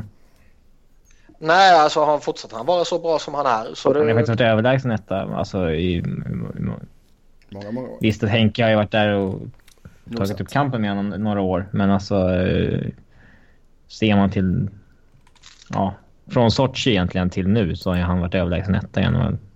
rim, rimligtvis så borde han ju bräcka Henkes kontrakt i alla fall. Som är på 8,5. Ja, men sen han får Han nya. tar, tar han tvåsiffrigt, det, det är väl kanske tveksamt. Men eh, han bör ju landa över det i alla fall. Mycket handlar om han kommer från försäsong då också. Jo. Nej, för länge Ja, sommarhus. Och eh, nu är man väl lite fördomsfull på något sätt kanske men det känns som att Burry Van och Molson och ägare och hela köret kommer ju bara slanta upp eh, utan att liksom förhandla. Ja, ja. Där har du inga locker room issues. Nej men jag menar många försöker väl pressa ner kontrakten så gott det bara går men Nej, nej. Där kommer de bara vissa- fråga hur vissa- mycket, hur mycket vill du ha? Kommer de säga. Och så kommer de bara säga okej. ja vissa spelare kan ju faktiskt förtjäna den behandlingen också. Mm. Sen har vi John Tavares. Johnny T. Johnny T. Ja, han kommer få en ökning kan vi säga. Mm, sitter på ett väldigt fint kontrakt. Ett år kvar mm, på 5,5 miljoner. 26 år gammal just nu. Han kan ju faktiskt vara uppe och nosa på 10. Eh, med tanke på att han har varit underbetald så länge också. Att han ska liksom ha lite extra på grund av Går, det. går han till öppna marknaden så ja. Jag tror Ja, inte han alltså, får, jag- tio- han får inte på- få 10 av Islanders. Jo, om han säger ja, 10, 10 annars drar jag så kommer han få 10. Ja, givetvis. Tittar man på alla stora kontrakt som har skrivit här mot slutet. Alltså liknande spelare, första center, första winger och sådana saker. Så är det ju där uppe. Ja, han spräcker 10. Men där är, ju- det är ju en spelare jag vill se i ett annat lag. Förlåt till alla Islanders-supportrar. Men... Ja, det är klart man vill. Och jag ber inte om förlåtelse. Eh, Mark Edouard Vlasic. Ah! Tavares är nya... Eh, ja. Nya ska hem till Toronto-killen liksom. Först var det ju Nash och sen var det ju... Eh, Stamkos. Vem var innan... Innan honom? Det skiter jag i. Nu är det Mark Edouard Vlasic vi ska prata om. 29 år gammal, 4,25 miljoner, ett år kvar på kontraktet efter denna säsongen. En av, Han är ju faktiskt- en av de bättre defensiva backarna i ligan. Han, det är ju ett jätteintressant fall här. Han är ju tämligen skitbra. Och fel eh, ålder, fel ålder. helt fel ålder. Han har varit eh, rätt saftigt underbetald också ju. Eh, Och du vet 30 plus där som den där spelartypen. Och det är Inga ju poäng egentligen. Nej, det är inte helt omöjligt att han kräver någon sån här 6 miljoner som grund. Liksom. Jag ska åtminstone ha ett Seabrook-kontrakt. Han fick ju 6,8. Ja. Eller sju år då det var. Mm. Men han har i alla fall några ringar att visa upp på sitt CV. Liksom. Mm. Plus att han gör lite poäng också. Ja. Men Vlasic är ju, även om han är skitbra nu och förmodligen kommer vara bra i ytterligare några år. Så signa ett sånt där 6, 7, 8 års kontrakt med honom kan ju bli jävligt jobbigt framåt slutet där. Mm. Så det ska bli spännande att följa. Mm. Ja, den är Om intressant. inget drastiskt sker så bör han ju vara kvar i Sharks i alla fall. Mm. Vi stannar vid Sharks för vi har även eh, smyggamla Joe Pavelski med på listan. Punchable Logan Couture. Och Logan Couture, ja. Eh, båda har två säsonger kvar efter denna. Båda sitter på 6 miljoner vardera. Couture 27, fram, alltså. Pavelski 32. Ja, det är lite långt. Två år till. Det är inte... Ja, det är en bit fram. Det är korrekt. Men någonstans så... Äh. Man bör ju snart liksom behöva ta ett beslut också. Är man inte redo att signa med Pavelski så är man väl inte redo att låta kontraktet löpa ut bara. Nej, men det är väl ett beslut man tar efter nästa säsong då va? Ja, men då kanske man redan nu ska börja planera lite långsiktigt och i de tankarna och sådana där saker. Planera? Det finns inga GM som planerar längre. Allt, Nej, allt är fan på uppstuds. Jo, så är det ju. Och jag tror att det var mer uppstuds så... förut om vi snackar så faktiskt. Men äh, i, Sharks, i Sharks fall så känns det ju ändå på något sätt logiskt att liksom vem fan bryr sig vad som händer om två år? Vi är liksom nu är vi här. Vi går för det med 37-årige Thornton och 37-årige Marleur och 36-årige Paul Martin och så vidare. Liksom. Så på ett sätt är det väl meningslöst. På ett sätt så är det, känns det som i synnerhet Pavelski en spelare som man nog ska fundera över både en och två gånger. Mm. Svårt att säga två år kvar. Det är mycket som hinner hända. Mm. Kan bryta ja. benet.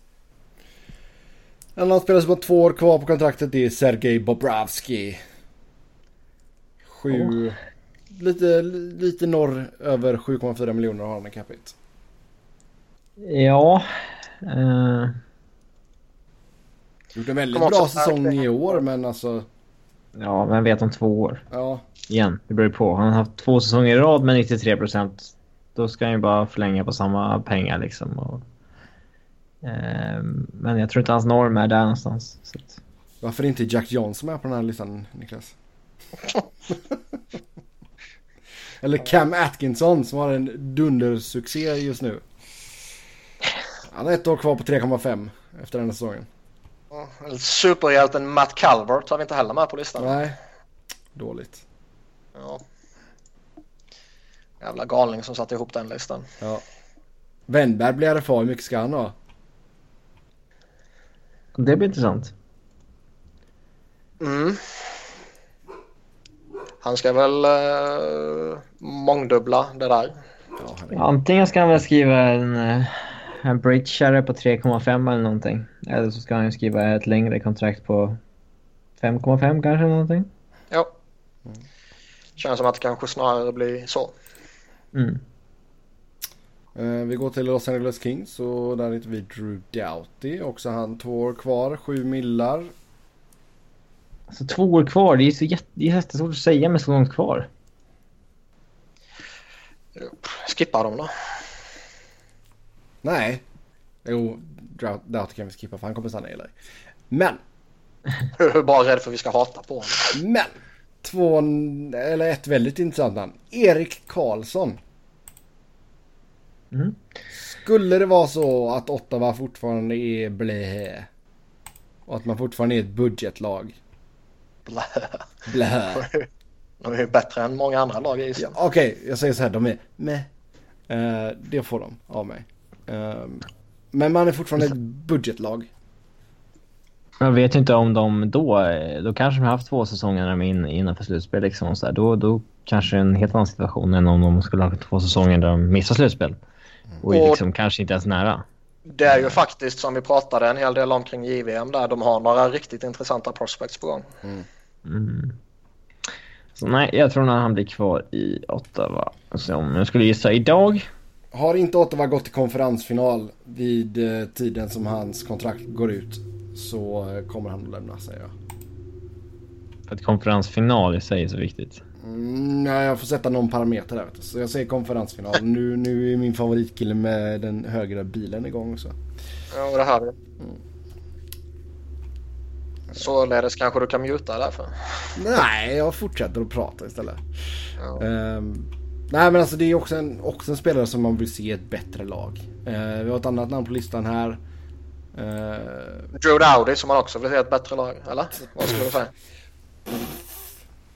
förolämpa inte två, två Stanley Cups. Det är inte en fy skam. Nej, men han är kass. Fler än vad Claude Giroux har. Ehm, Oliver Ekman Larsson är också med på din lista här Niklas.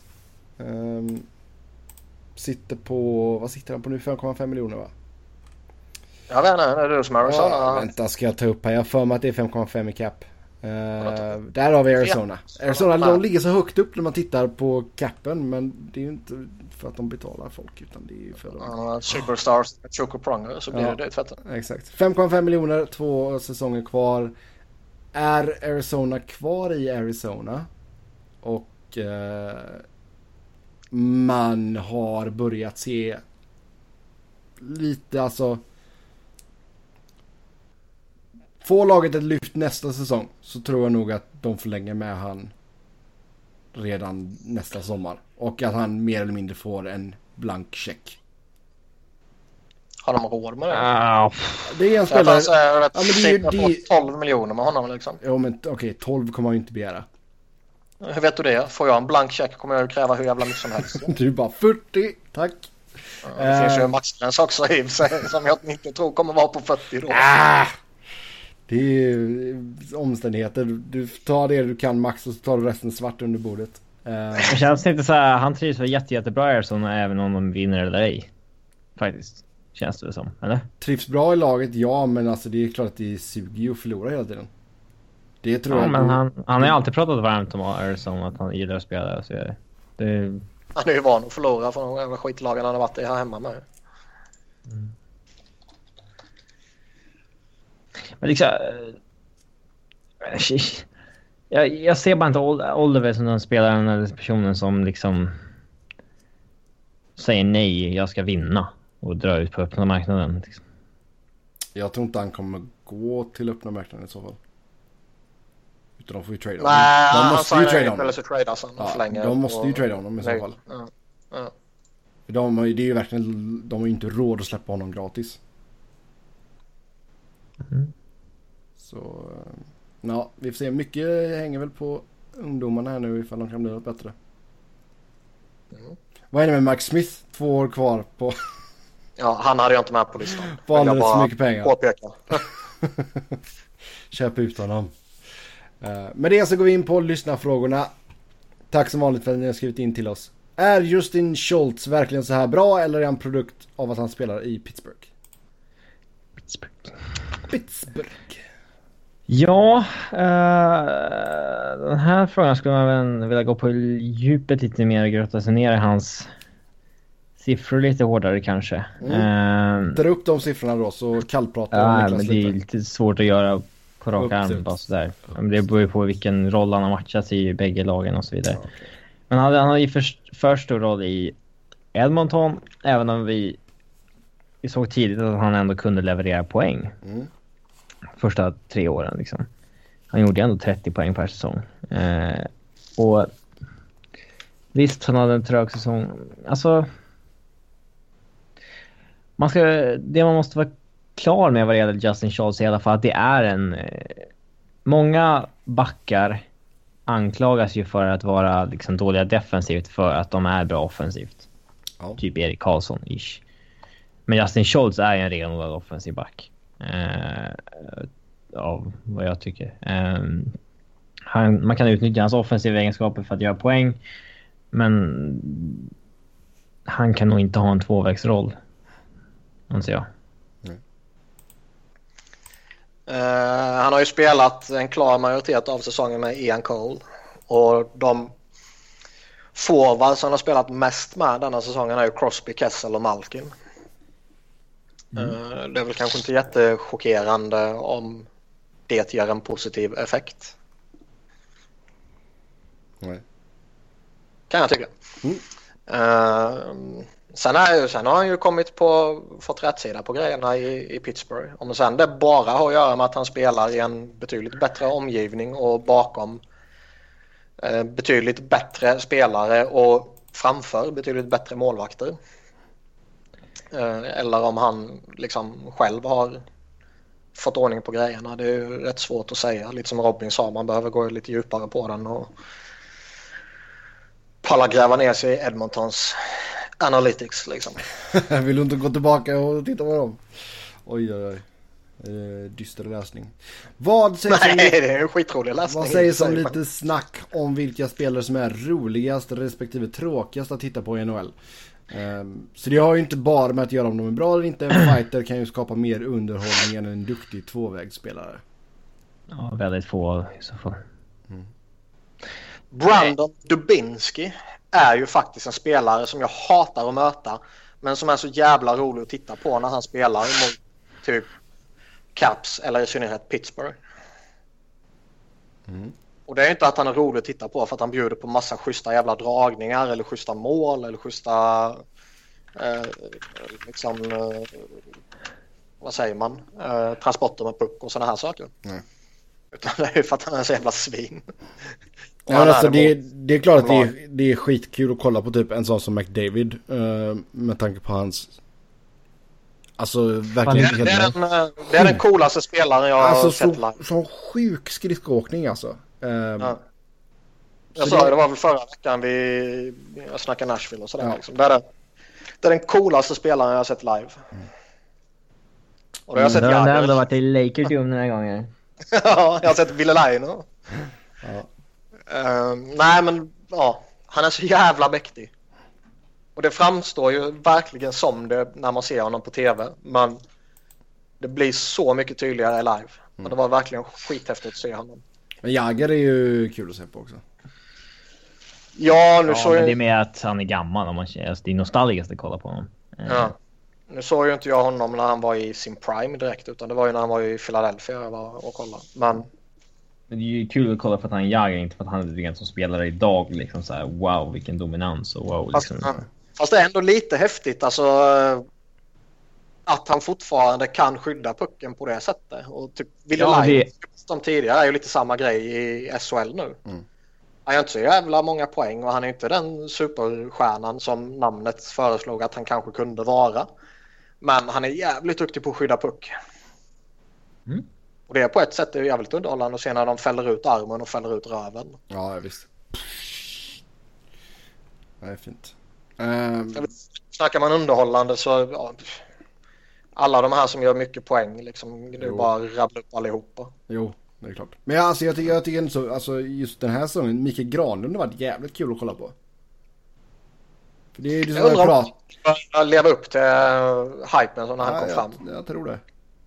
Jag undrar om han breakar eller om det bara är, eh, eller bara bara, men om det är en liten effekt av eh, Bruce Boudreaus intågande. Ja men alltså just det alltså att han har fått den nya rollen att spela på vingen. Det verkar ju verkligen ha fått perfekt, eh, perfekt fit för honom liksom.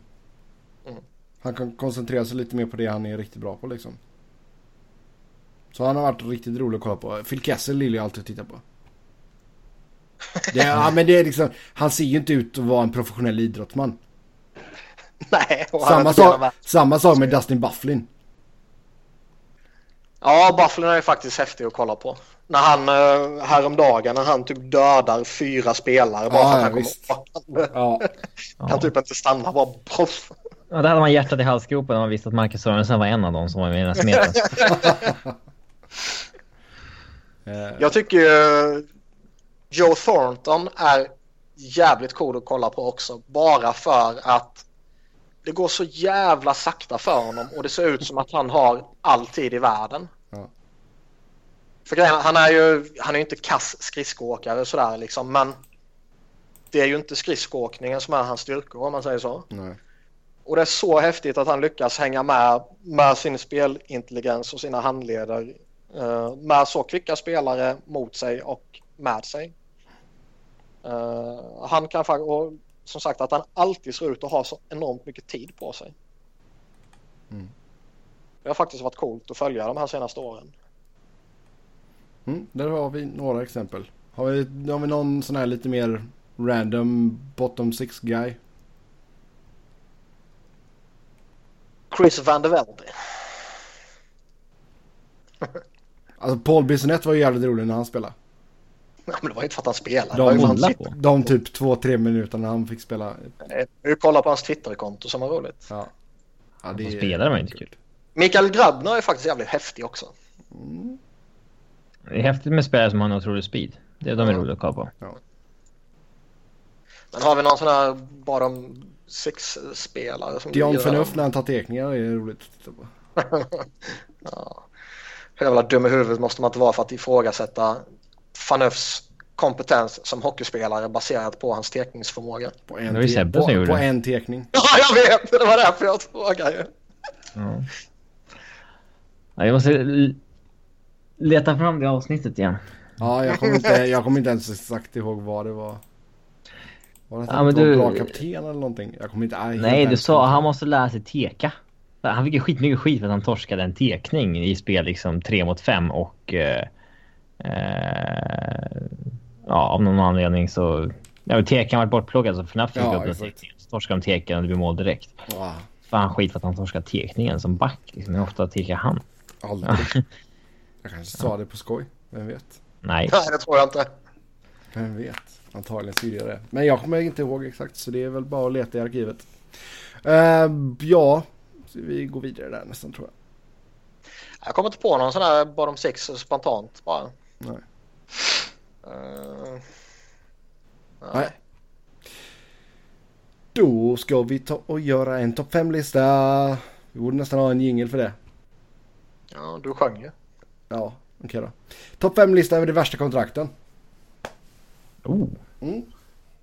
Boom, shakalaka. Ett, Jonathan Toews.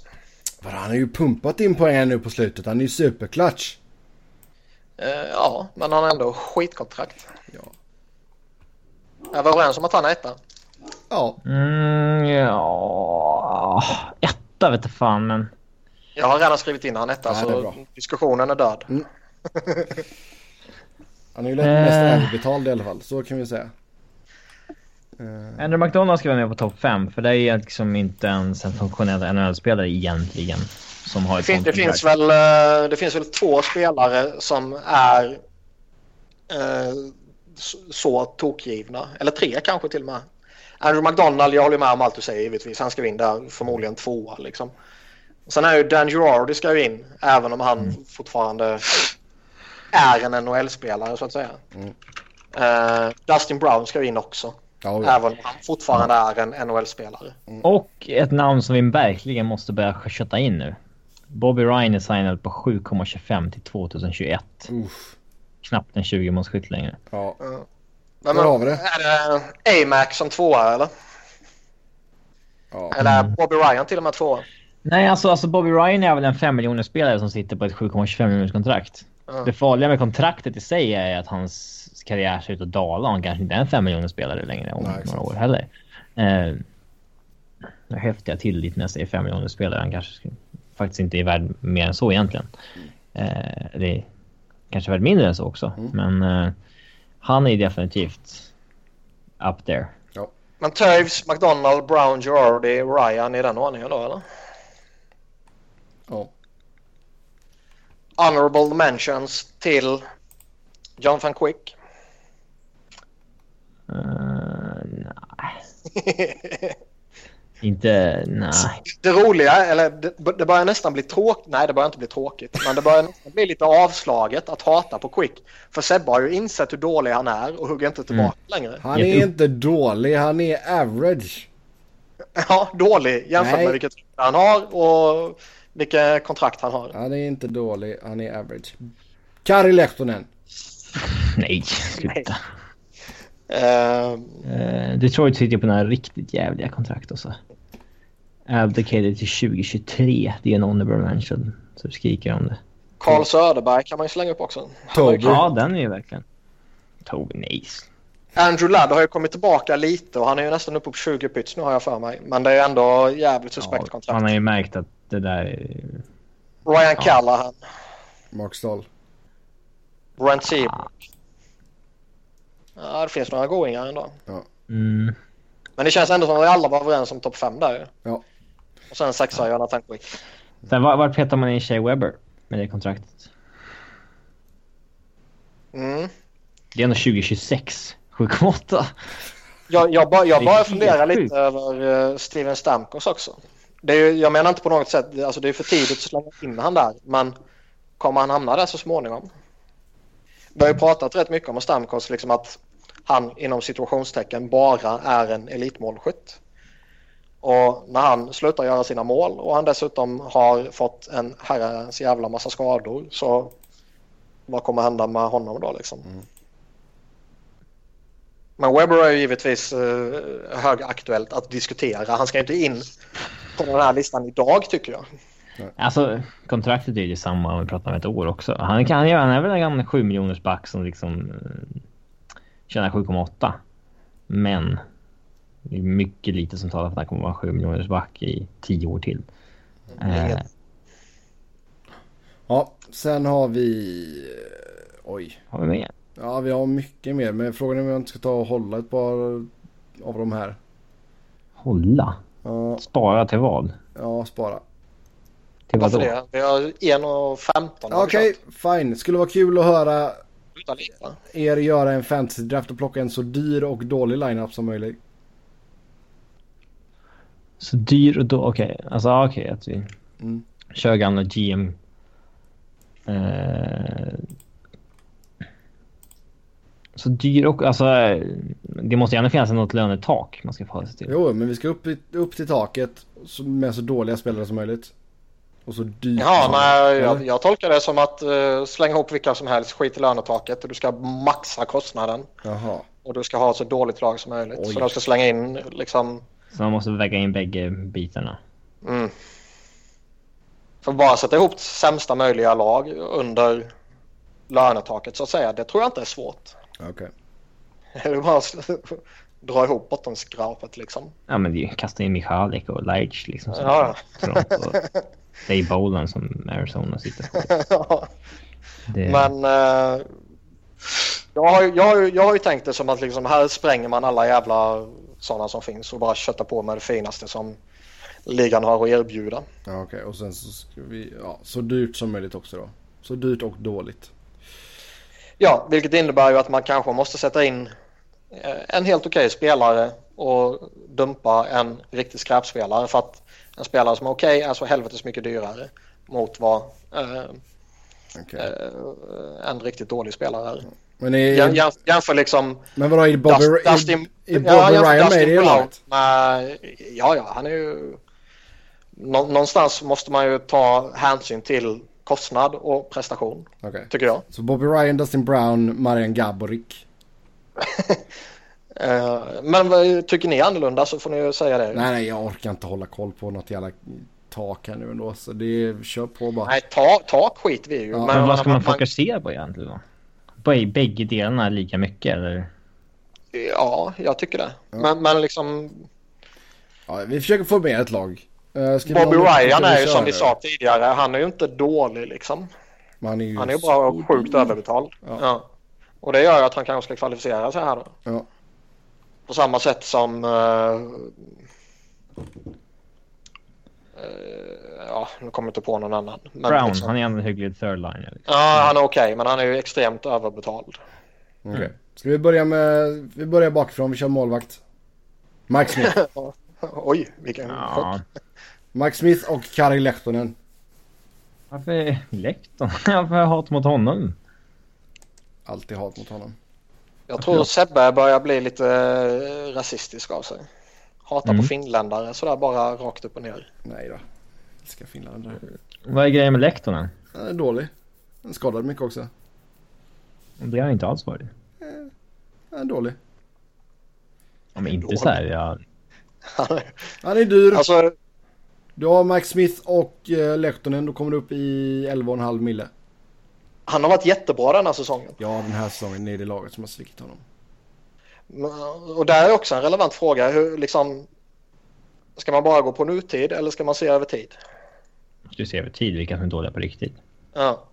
Eh, och då kan man väl Howard är väl minst lika aktuell som en Lehtonen i så fall. Ja. Jag skulle ju snarare slänga in Niemi före Lehtonen. Men det är väl rimligt att vi tar en etta och en tvåa. Alltså inte, alltså inte två. Vi kör ett A och ett B. Ska vara dyrt. Ja, Smith och Niemi. Men det finns ju dåliga... Riktigt dåliga andra målvakter också. Smith och Pavelec. Ja, där ska jag växla med. Där har vi det. Boom säger jag bara. Eh, ja, vi går vidare då. Då kör vi backar. Ska vi ha sex stycken av dem. McDonald och Girardi är första paret. Fy fan, vad tragiskt. För fan vad tragiskt. Jonte Eriksson ska ju in ju. Ja, han ska in. Och vad sitter Jonte på? 4,25 va? 4,25. Buscemi måste man väl slänga in. Ja. Jag kan voucha för att han verkligen har klappat igenom helt. Mm. Fyra och en halv Ehm, sitter han på. Har vi med typ en Dennis Wideman kanske? Ja. Fast alltså, ja. Det är liksom en England på 2,9 är jävligt sämre än Ja, men så vi ska ju maxa kostnaden också. Ja, men det, det är konstigt om man tänker på bägge. Det är klart att, ja. Kevin Bjäxa. Ja, BX ska med.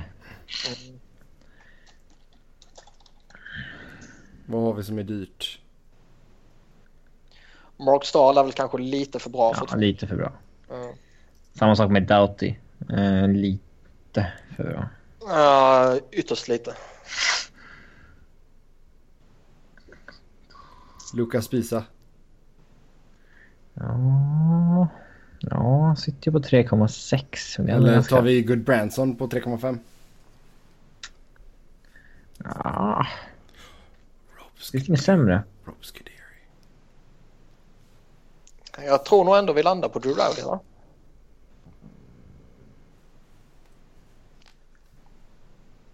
Toby Enström kanske? Toby överbetald. Fortfarande, Han är han fortfarande, Han är dålig. Ja. Han har varit riktigt dålig i år. att han är fortfarande rätt så OK känns det som. Ja, det är en bra spelare fortfarande. Alltså FNAF på 7. Ja, det är ganska dåligt. Jack Johnson. Jag tycker jag skulle jag hellre ta FNAF om vi pratar dålighet. Vi dunkar Ja. in med då, bara för att det är skoj. Ja, då gör vi det. Jack Johnsons kontrakt är nog inte så farligt liksom. 4,3. Då ska vi hitta fyra stycken centrar. Får vi ta bollen som är tokskadad eller? Nej. Har han spelat några matcher den här säsongen? Nej. Det har han inte va? Nej. Har du inte spelat en match så får du inte vara med. Nej, lite så känner jag också. Ja. Okej. Mm. Eh, det- det här, vi kan ju inte ta Taves. Nej. Uh, för duktig spelare fortfarande. Söderberg sa vi. Ja, han kan vara första center. Mm. Har du, skriver du upp cap hitsen nu eh, Niklas? Nej, men man tänkte ju man kan ju göra en uh, Ja, du använder toolet på... create a team på uh, capfriendly.com. Ja, det är bra. Får en plugg där också. Okej, vad har vi mer för dyra centrar? Men då får vi inte ta Leach typ. Nej, han diskvalificeras väl. Okej. Vi har ju eh, Lillemans favorit i blues. Gör Stäffer. läktare. Jaha. Läktare... Ja, han är dyr. 4,7 alltså satan. In med honom. Ja. Mm, vad har vi mer? Man vill ju inte, verkligen inte glömma några riktiga guldkorn här. Eh, Måste vi ha centrar också alltså? Ja. Darren Helm, han kan lira center.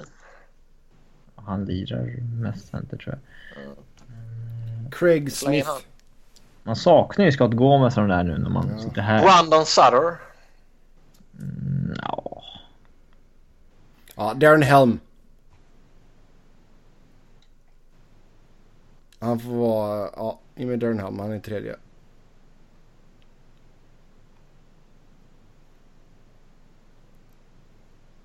Vem är då våran fjärde center? Finns det inga så här Paul Gostad kvar på 3 mille liksom? Finns det inga sådana kvar? Det var Leo Komarov på 2,95. Ja, men han är duktig. Ja. Brandon Sutter sa jag. Ja. Vet du, Islanders-gänget ju. Tsitsikas. Tsitsikas. 3,35. Matt Stagen. 3,1. Okej. Vi tar Tsitsikas bara för att eh, vi vill få hat Ja. från eh, Islanders. Då gör vi det. Sen går vi över till Left Wingers. Bobby Ryan Gaborik kanske? Nu ska vi sätta Bobby på höger. Bobby är höger va? Är inte båda det? Eller Jo. var Gabriel lirat mest annan säsong? Gabrik slänger också ut till höger. ja. Så där har vi två. Då kör, börjar vi med högern med andra ord då. Uh, Bobby Ryan och uh, Gaborik. Vi fortsätter med Brown där på tredje. Ja, Och Callahan på fjärde.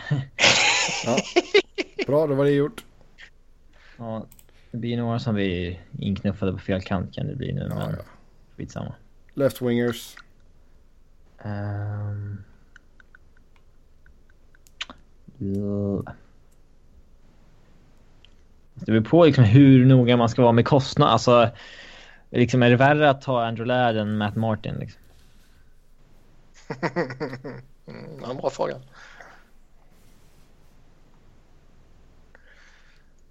Jag har fullt upp att tänka och prata och skapa lag samtidigt så fortsätter ni prata. Jamie McGinn. Va? 3,33. Ja, men det är väl... Va? Nej, Nej, ja, förlåt. Förlåt, jag vet inte att du var en sån jävla McGinn-lover liksom. Nej, men det är väl Så- ganska rimligt för den spelaren kan jag tycka. Det är inte ens ett dåligt Och kontrakt. så har vi? Matt, Matt Martin. Jag hatar gärna på Martin. Mm.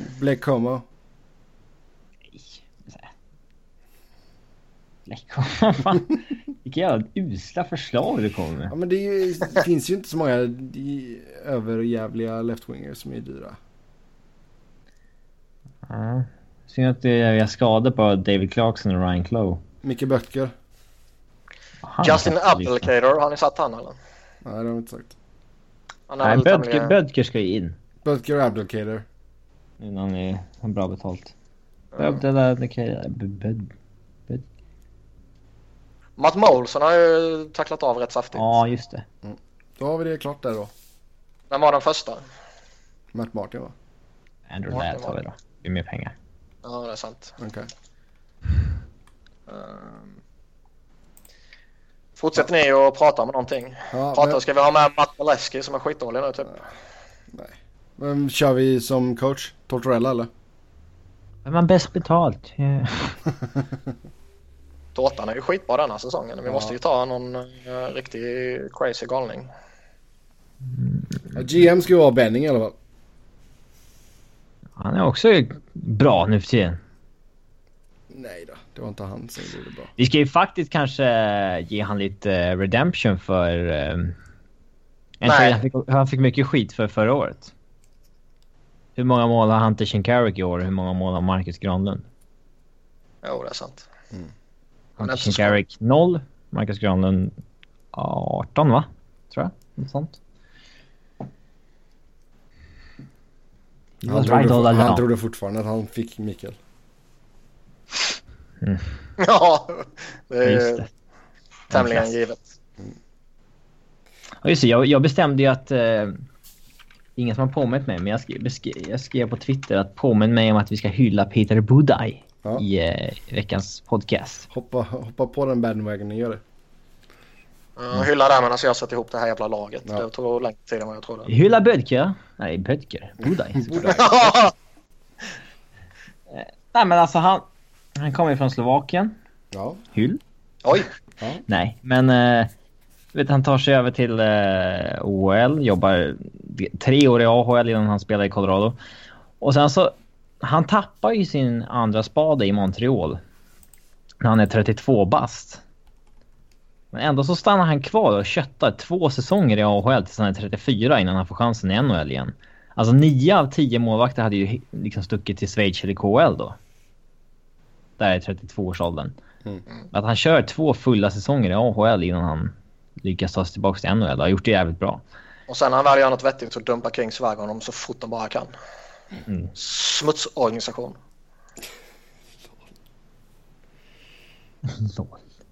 Vadå LOL? Du vet det är sant. Ja men det är faktiskt imponerande att man inte ger upp sådär. Men sen är väl...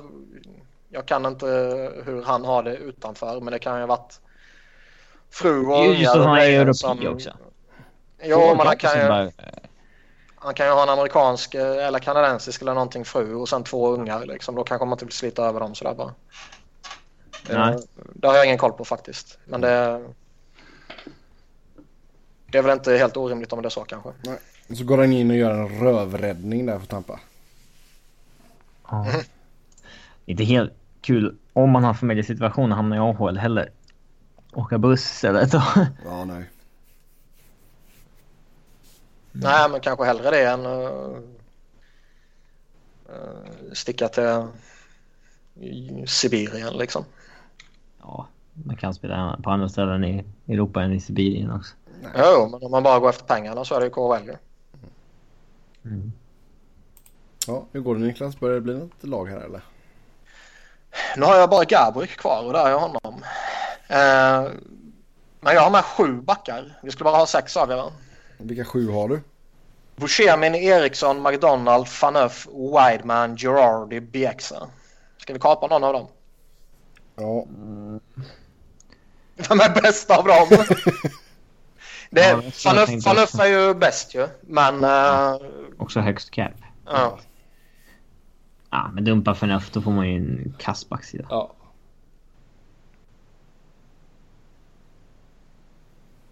Ja, gör det.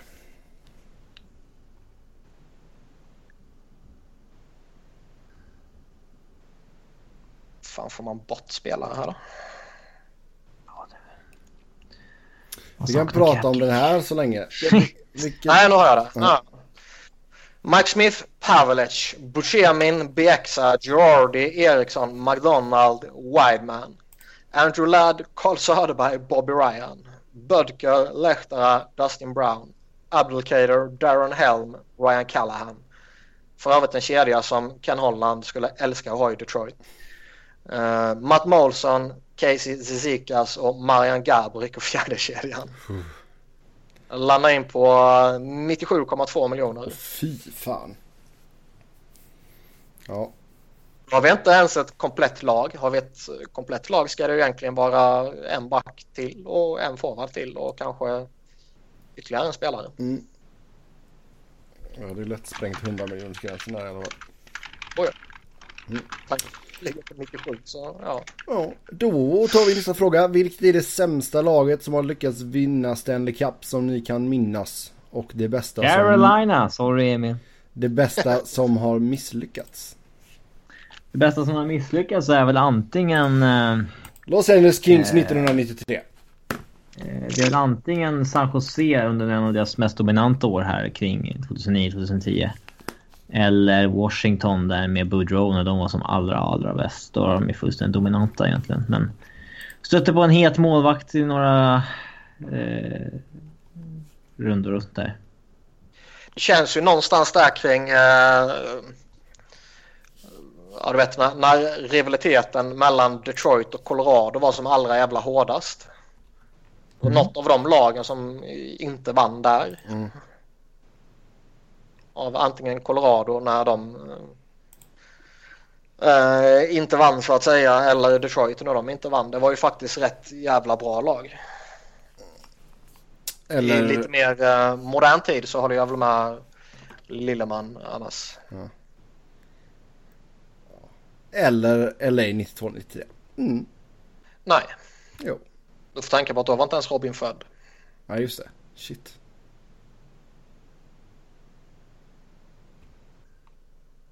Men då kan man lika gärna dra till man har liksom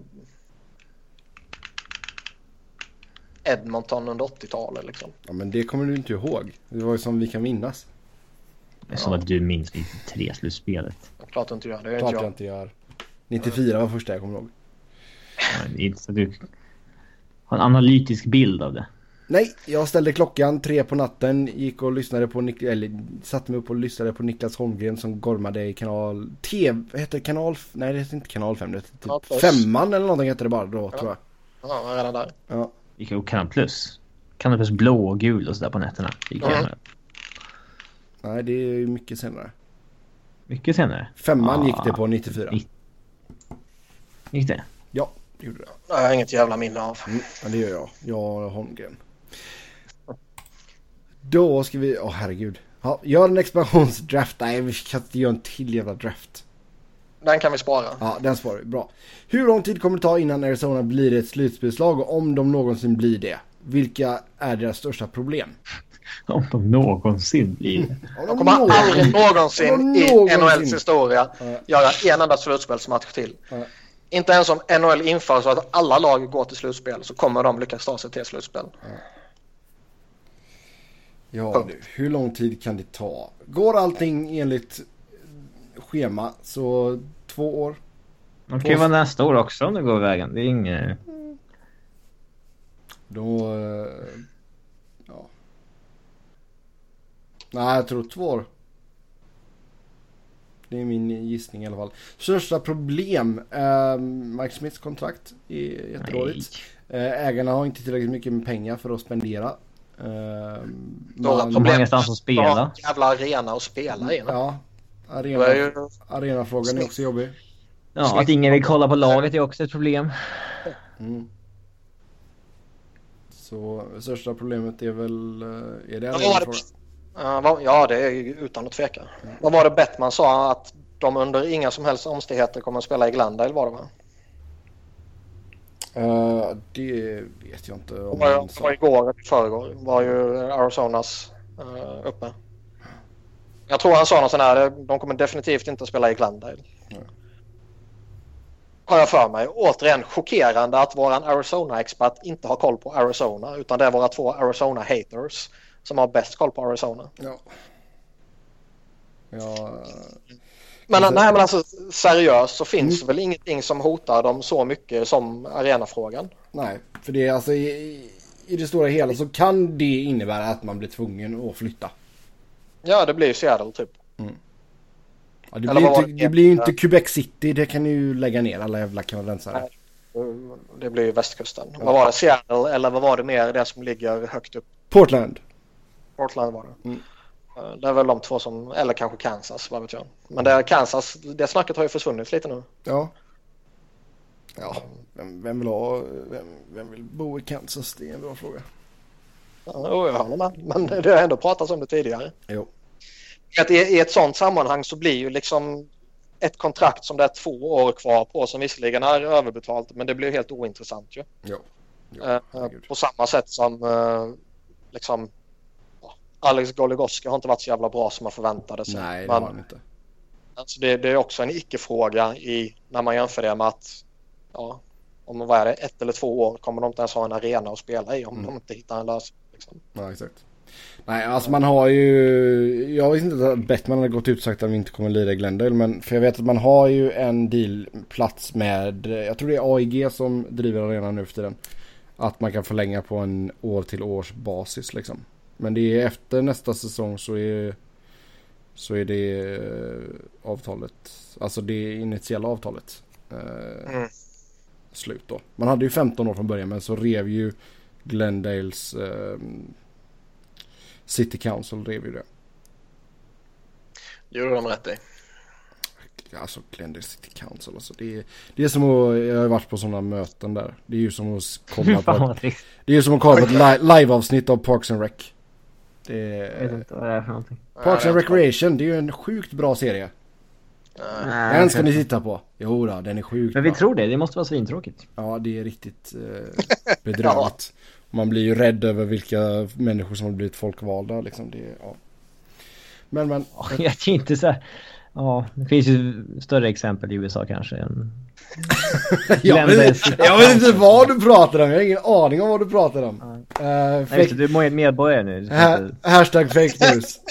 ja. Uh, så ja, så är det med det. Uh, det är någon som vill att vi ska prata om Lindbloms framfart. Varför då?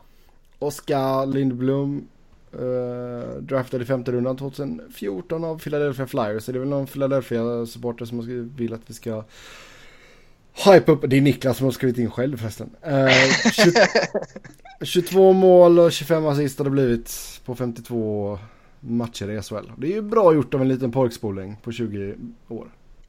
Ja, det är en av ligans bästa målskyttar ju. Mm. Uh, skulle han blivit skyttekung så har jag för mig att han skulle blivit den yngsta Antingen någonsin eller på eh, väldigt många år. Blev han skyttekung? Vad sa du? Vann han skytteligan? Nej, han kom eh, precis, var det, fan var det Clark som vann tror jag väl? Ja, 23. Ja. Kevin Clark. Det var han som fick frågan om... Eh... Om han var redo och han sa att... Ja, Clark fick ju frågan om Lindblom är redo för NHL kommande säsong och sa ju han är redo denna säsongen. Mm. Och det fick ju inte direkt hypen att uh, stanna av. Nej, det... det hade ju varit intressantare om det hade kommit från någon som hade spelat NHL. Eh. Kan jag tycka. Än om det liksom kom från Kevin Clark som aldrig har spelat i NHL. Nej, det håller jag med om. Han har, han har ju dock gjort några säsonger i AHL så han bör väl ha någon form av liksom kunna jämföra med andra unga spelare han har spelat med och sen har tagit klivet kanske. Mm. Men uh, visst skulle det varit uh, Pai istället liksom. Pile. Danny Pile. Pile, Pile. Så kanske det skulle varit mer relevant givetvis. Och på tal om det, vi snackade om det för några veckor sedan men uh, nu, vi fick faktiskt fyra 20 målskyttar i SHL. Det såg ju länge ut där som, ett, som att vi kanske inte skulle få en enda. Men Kevin Clark, Oskar Lindom, Olli Balola och Brian Lurg ja. passerade alla 20 mål. Bra gjort. Bra Low scoring-ligan är det inte ens en garanti längre att man får 20 mål från några spelare. Mm. Var det verkligen rätt av Tampa Bay att sälja Filpula och Boyle? Hade man inte kunnat göra i alla fall Filpula-traden efter säsongen? Straight hade man kunnat behålla då utbytet inte var speciellt bra och deras backsida är tunn. Man är i allra högsta grad med i slutspelsracet och lär kommande år ha svårt att på pappret få ett lika starkt lag som den här säsongen. Men kan knappast såga deras strategi, tycker nog ändå att det gör rätt. Tycker de... Tycker dock de hyllas lite för mycket. Vi har ju pratat om här tidigare, att han hyllas orimligt hårt. Uh, han ska hyllas, men han beskrivs ju som en jävla gud ju. Uh, och det är han såklart inte. Icer Magic var ju en kallad spelare från AHL typ. ja. Men, men uh, jag tycker väl ändå liksom att har man chans att bli av med Filippola så måste man ta den. Mm. Med tanke på att man satt i skiten inför expansionsdraften. Um, och Filippola är inte dålig. Han, alltså han har varit bra i, i Tampa och han har ju varit bra när han kom till Flyers nu. Problemet är ju bara att han är lite, lite för dyr och han satt på en no movement klausul. Så att de var tvungna att skydda honom. Ja. ja. Eh, nu blir de av med honom och kan istället skydda en palatt eller någonting och behöver liksom inte ens typ tänka på vad fan de ska göra. Och det var ju ett problem tidigare och det är trots allt lite riskabelt att vänta ut och göra en sån grej till sommaren för då finns kanske inte intresset eller lagen liksom, ja, de har inte samma möjlighet att plocka in honom eller uh, ja, vissa trades gör man ju för att man vill boosta inför ett slutspel och sådana saker. Mm. Um, så när den möjligheten kommer och man faktiskt uh, får ut något bra av det så ta den möjligheten liksom. Tycker du att man skulle behållit Strike? Jag tycker nej. Jag tycker inte han gör... Uh, Mark Straight idag tycker jag väl är en back som i en bra backuppsättning eh, går in och fyller en funktion lite längre ner i hierarkin. Och man kan väl någonstans göra en jämförelse mellan Tampa och Pittsburgh på något sätt. Så jag tror inte han skulle, han skulle säkert göra nytta i Tampa på samma sätt som jag tror han kan göra nytta i, i Pittsburgh. Men eh, det är ju väldigt en... bra start i Pittsburgh. Absolut. Men det är ju ingen sån där spelare som dina kuppförhoppningar står och vilar på. Om du behåller honom eller inte. Om man avslutar fint här så kanske kan få ett nytt tvåårskontrakt någonstans. Lite Absolut. som eh, Sergej Gonchars kontrakt med eh, Dallas sista mm. två åren. Han inte var särskilt bra. mm, nej, helt klart. Mm. Sen är det klart, här, eh, snubben som skrev in här har ju relevant frågeställning då. Just det här som vi har pratat om tidigare också. Att, eh, det är lite go här, for it. Så. Ja, go for it. Det här är kanske sista säsongen. Uh, man ska signa massa unga spelare nu. Det kommer bli dyrt och man kanske måste dumpa någon och sådana här saker. Så det är legitimt case att göra för att de borde gått för det. Mm. Sen nästa här då. Såget av årsdagen av Bertuzzi vs Moore. Förtjänar inte Moore lite, lite, lite grann ändå? Vägrade ta ren fight med Bertuzzi som jagade honom och som visste vad som väntade efter hans tackling på Näslund. Eh, borde väl sätta upp en fight efter att ha medvetet skadat största stjärnan. Alltså... Nej, det är så man förtjänar inte situation. Eh, alltså, det, det är klart att han förtjänar någon form av... Eh... Redemption, ja. ja men, men alltså, det... han slogs ju under den matchen. Alltså Matt Cook hoppade ju på honom. Eh, men sen så går Javs upp i en femårsledning och Steve Moore gör 5-0 målet. Och, och då ja, bubblar det väl lite hos vissa Vancouver-spelare också. Mm. Fortfarande liksom. Eh, även om han har liksom gått en 50-50 fight med Matt Cook.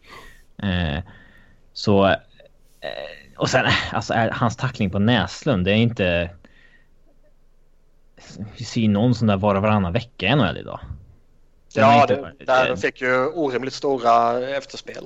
Ja, det var ju bara för att Bertuccis, eh, vad säger man, eh, hem det var så grov som Näs, eh, Moores tackling på Näslund eh, har blivit så uppmärksammad. Det var ju så här, alltså han, han kom in från sidan, träffade honom med axeln i huvudet. Eh, men den träffar inte alls så här, alltså så klockren som vissa av liksom Scott Stevens tacklingar gjorde. Och den, mm. När man bara ser Erik Lindros huvud liksom typ lämna kroppen. Eh, det... Hade den tacklingen skett idag, Simon på Näslund, så tror jag han kan fått kanske tre matcher. Mm. Mm. Max. Okej. Okay. Sen är väl, jag har sagt det tidigare också, men ett stort problem som jag tror det är ju att när Bertuzzi hoppar på honom bakifrån och han faller i isen. Först kommer ju Bertuzzi och landar på honom och knäcker nacken på honom och sen kommer ju typ sju spelare till i en jättestor hög. Ja, nästa kommer dit och försöker... Det är någon spelare som hoppas på Bertuzzi då och försöker sitta bort honom. Och så kommer ja, och så kommer de och varannan spelare så liksom. Mm. Och vi har ju... Vem var det som... Vem fan var det? Var det Filip Larsen som låg avsvimmad? För några månader sedan. Ja, när det vart värsta brawlet runt om mm. liksom. Ja, någon åker in i hans huvud när han ligger med en hjärnskakning typ. Ja. ja. Uh, så jag, och vi såg ju... Vem var det? Tom Sestiro nu när han dödade Enström så liksom där ligger Enström avsvimmad typ och där så är det någon jävel som bara hoppar över honom för att börja bråka med Sestito typ. Mm. Och det är den här jävla grottmänniskomentaliteten som tar över när någonting händer och man skiter i allt och alla runt omkring sig så länge du bara ska plocka jävlen som gjorde någonting. Och lite samma var det här bara i en extrem omfattning. Att när alla bara slänger sig på honom där och det kan ju knappast ha varit eh, gynnsamt för hans nackskada. Nej, inte hälsosamt. Nej. Men eh, den går ju av när Bertuzzi trycker ner isen. Det, det... Ja, ja, ja, men jag menar den kan ju bli mer eller mindre allvarlig beroende på om det kommer noll spelare eller sju spelare. Det är ju inte en helt orimlig tanke. Mm. Så mm. Sen sista frågan, eller ja, förslag. Och sen som att prata lite Sabres och Jack Eichel. Sabres har ju en riktigt bra topp 6 och har för tillfället bäst powerplay i ligan. Sen har man för visserligen näst sämst boxplay. Vad är det som fattas i lagbygget som ni ser det? Eichel gör en grym säsong i skymundan. Sjukt bra skott, påminner om Stamkos för att med större uppsida. Vem annars kan han jämföras med gällande spelstil? Kan vi upprepa första meningen i frågan? Sabres har en riktigt bra topp 6. Nej, första frågan. Vad sägs om att snacka lite Sabres och Eichel? Nej tack. uh, jämf- ja, jag tycker Nej. väl han är en mer komplett spelare än Stamkos liksom. Alltså, det som Eller ut- är han kan bli kanske. Så. En grej med Sa- Sabres är att de har ju jävla lite mål 5 mot 5 sen under Disco Dan. Alltså, extremt lite. Jag fattar inte vad... Det var, ju någon, det var ju någon spelare eller om det var... Ja, det var Iginla som sa att eh, Dan Iginla var det, Bartmans eh, system är det mest komplicerade han spelade i. Ja. Det, be, ja. Det låter då- ju negativt, men det, det behöver ju inte vara negativt såklart. Men det, ja. Jag tror inte han menar det men- positivt. Nej, det tror inte jag heller. Och tittar man då på vilka roster han har tillgång till i Sabres här så är det ju inte direkt 12 stycken Jack Eichels i forwardsbesättningen. Mm. Och, och ska man då slänga ut lite skräp och sådana här saker och han kanske inte alls kör eh, samma sak nu som han gjorde med eh, Penguins. Men det är ju inte helt orimligt heller att förvänta sig att det är väldigt många likheter. Mm. Eh, titta vilka spelare de har till, tillgång till och så är det ju inte så konstigt att det går åt helvete då om systemet är så extremt avancerat. De har så extremt få spelare som gör liksom en, har en hög 5 mot 5 produktion. Eh, eh, liksom sett över ligan. Jack Eichel de här två åren om vi bara kollar forwards. Då Jack Eichel etta är på plats 143. Det är någonstans mitten andra line nivå. Och sen så på gränsen mellan andra och tredje line har vi Jonta, Vander Kane och Sam Reinhardt. Och det har varit så i två år. Det är ändå liksom anmärkningsvärt. Vad beror... Varför gör de så lite mål 5 mot 5? För att de är dåliga. Mm. Men vad är det som fa- vad fattas i lagbygget? Bra spelare. Ja, alltså de har inga bra backar till att börja med. De eh, har ju, ja, gjorde en konstig investering i Josh, Josh Georges. Han hade, borde kanske varit med när vi snackade sämsta eh, kontrakten också. Och sämsta backarna. 3,9 där är ju bra mycket värre än den på Spisa på 3,6 till exempel. Ja. Eh, Kulikov har inte fallit väl ut. Eh, uh, Cordy France vet man aldrig vad man har. Bogosian är ingen 5 miljoners back. Ristolainen är duktigt överskattad även om han är duglig. Ehm. Mm. De har ju några enstaka prospects på gång. Liksom Nylander och Asplund tror jag kommer bli gedigna NHL-spelare. Liksom. Men Ja, det sägs väl att svenska delegationen som hade möte med GMs hade Alexander Nylander som ett rätt eh, exempel på en kille som kanske skulle må bättre av att spela i Sverige än att göra en halv poäng per match i AHL. ja, det är väl inte helt orimligt heller att ha de förväntningarna. Å andra sidan så... I Tim Murrays lag just. Vad sa du? Just Tim Murrays lag också. Eh, det Men å andra sidan, liksom, det gick ju rätt bra för honom förra året. Mm. Ehm. Men ja, de har, ju, de har ju lite nytt på gång sådär. Men det är ju inte överjävligt mycket heller. Utan de stora de hade på gång, de är ju uppe liksom. Mm. I, ja, Eichel i spetsen såklart och Reinhardt och lite sånt här. Ehm. Men visst, de har väl fortfarande lite för mycket skräp som de måste fylla ut laget med känns det som. Robin var inne på typ hela backbesättningen och det finns ju fortfarande några, några forwards också som skulle behövas eh, uppgraderas på. Och slängde du då in ett, ett system som är superavancerat och som alla inte behärskar då kanske det är rimligt att anta. Så är det inte så konstigt om man inte lyfter. Japp. Men hitta någon som han är lik Jack Eichel. Det, jag ser som sagt jag ser honom som en mer komplett spelare än Stamkos. Men det är svårt att peka på någon som han är lik. Det är alltid svårt att jämföra spelare. Sådär. Ja, det, Man vill ju alltid göra det inför draften också. Att eh, den här snubben han är... Ja, Det är inga spelare som har liksom exakt samma egenskaper. nej. Och liksom ja han här är, han här är liksom som Niklas Lyström. Ja, men det finns typ liksom 20 kan ju vara- spelare i ligan som är som Niklas Lidström i spelstil och olika... Ja, men inte på den nivån. Nej. så det är alltid svårt som fan, tycker jag.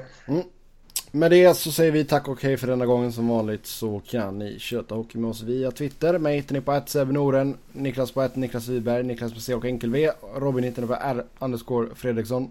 Fortsätt skriva in lyssnarfrågor, det uppskattas alltid. Tills nästa gång, ha det gött, hej!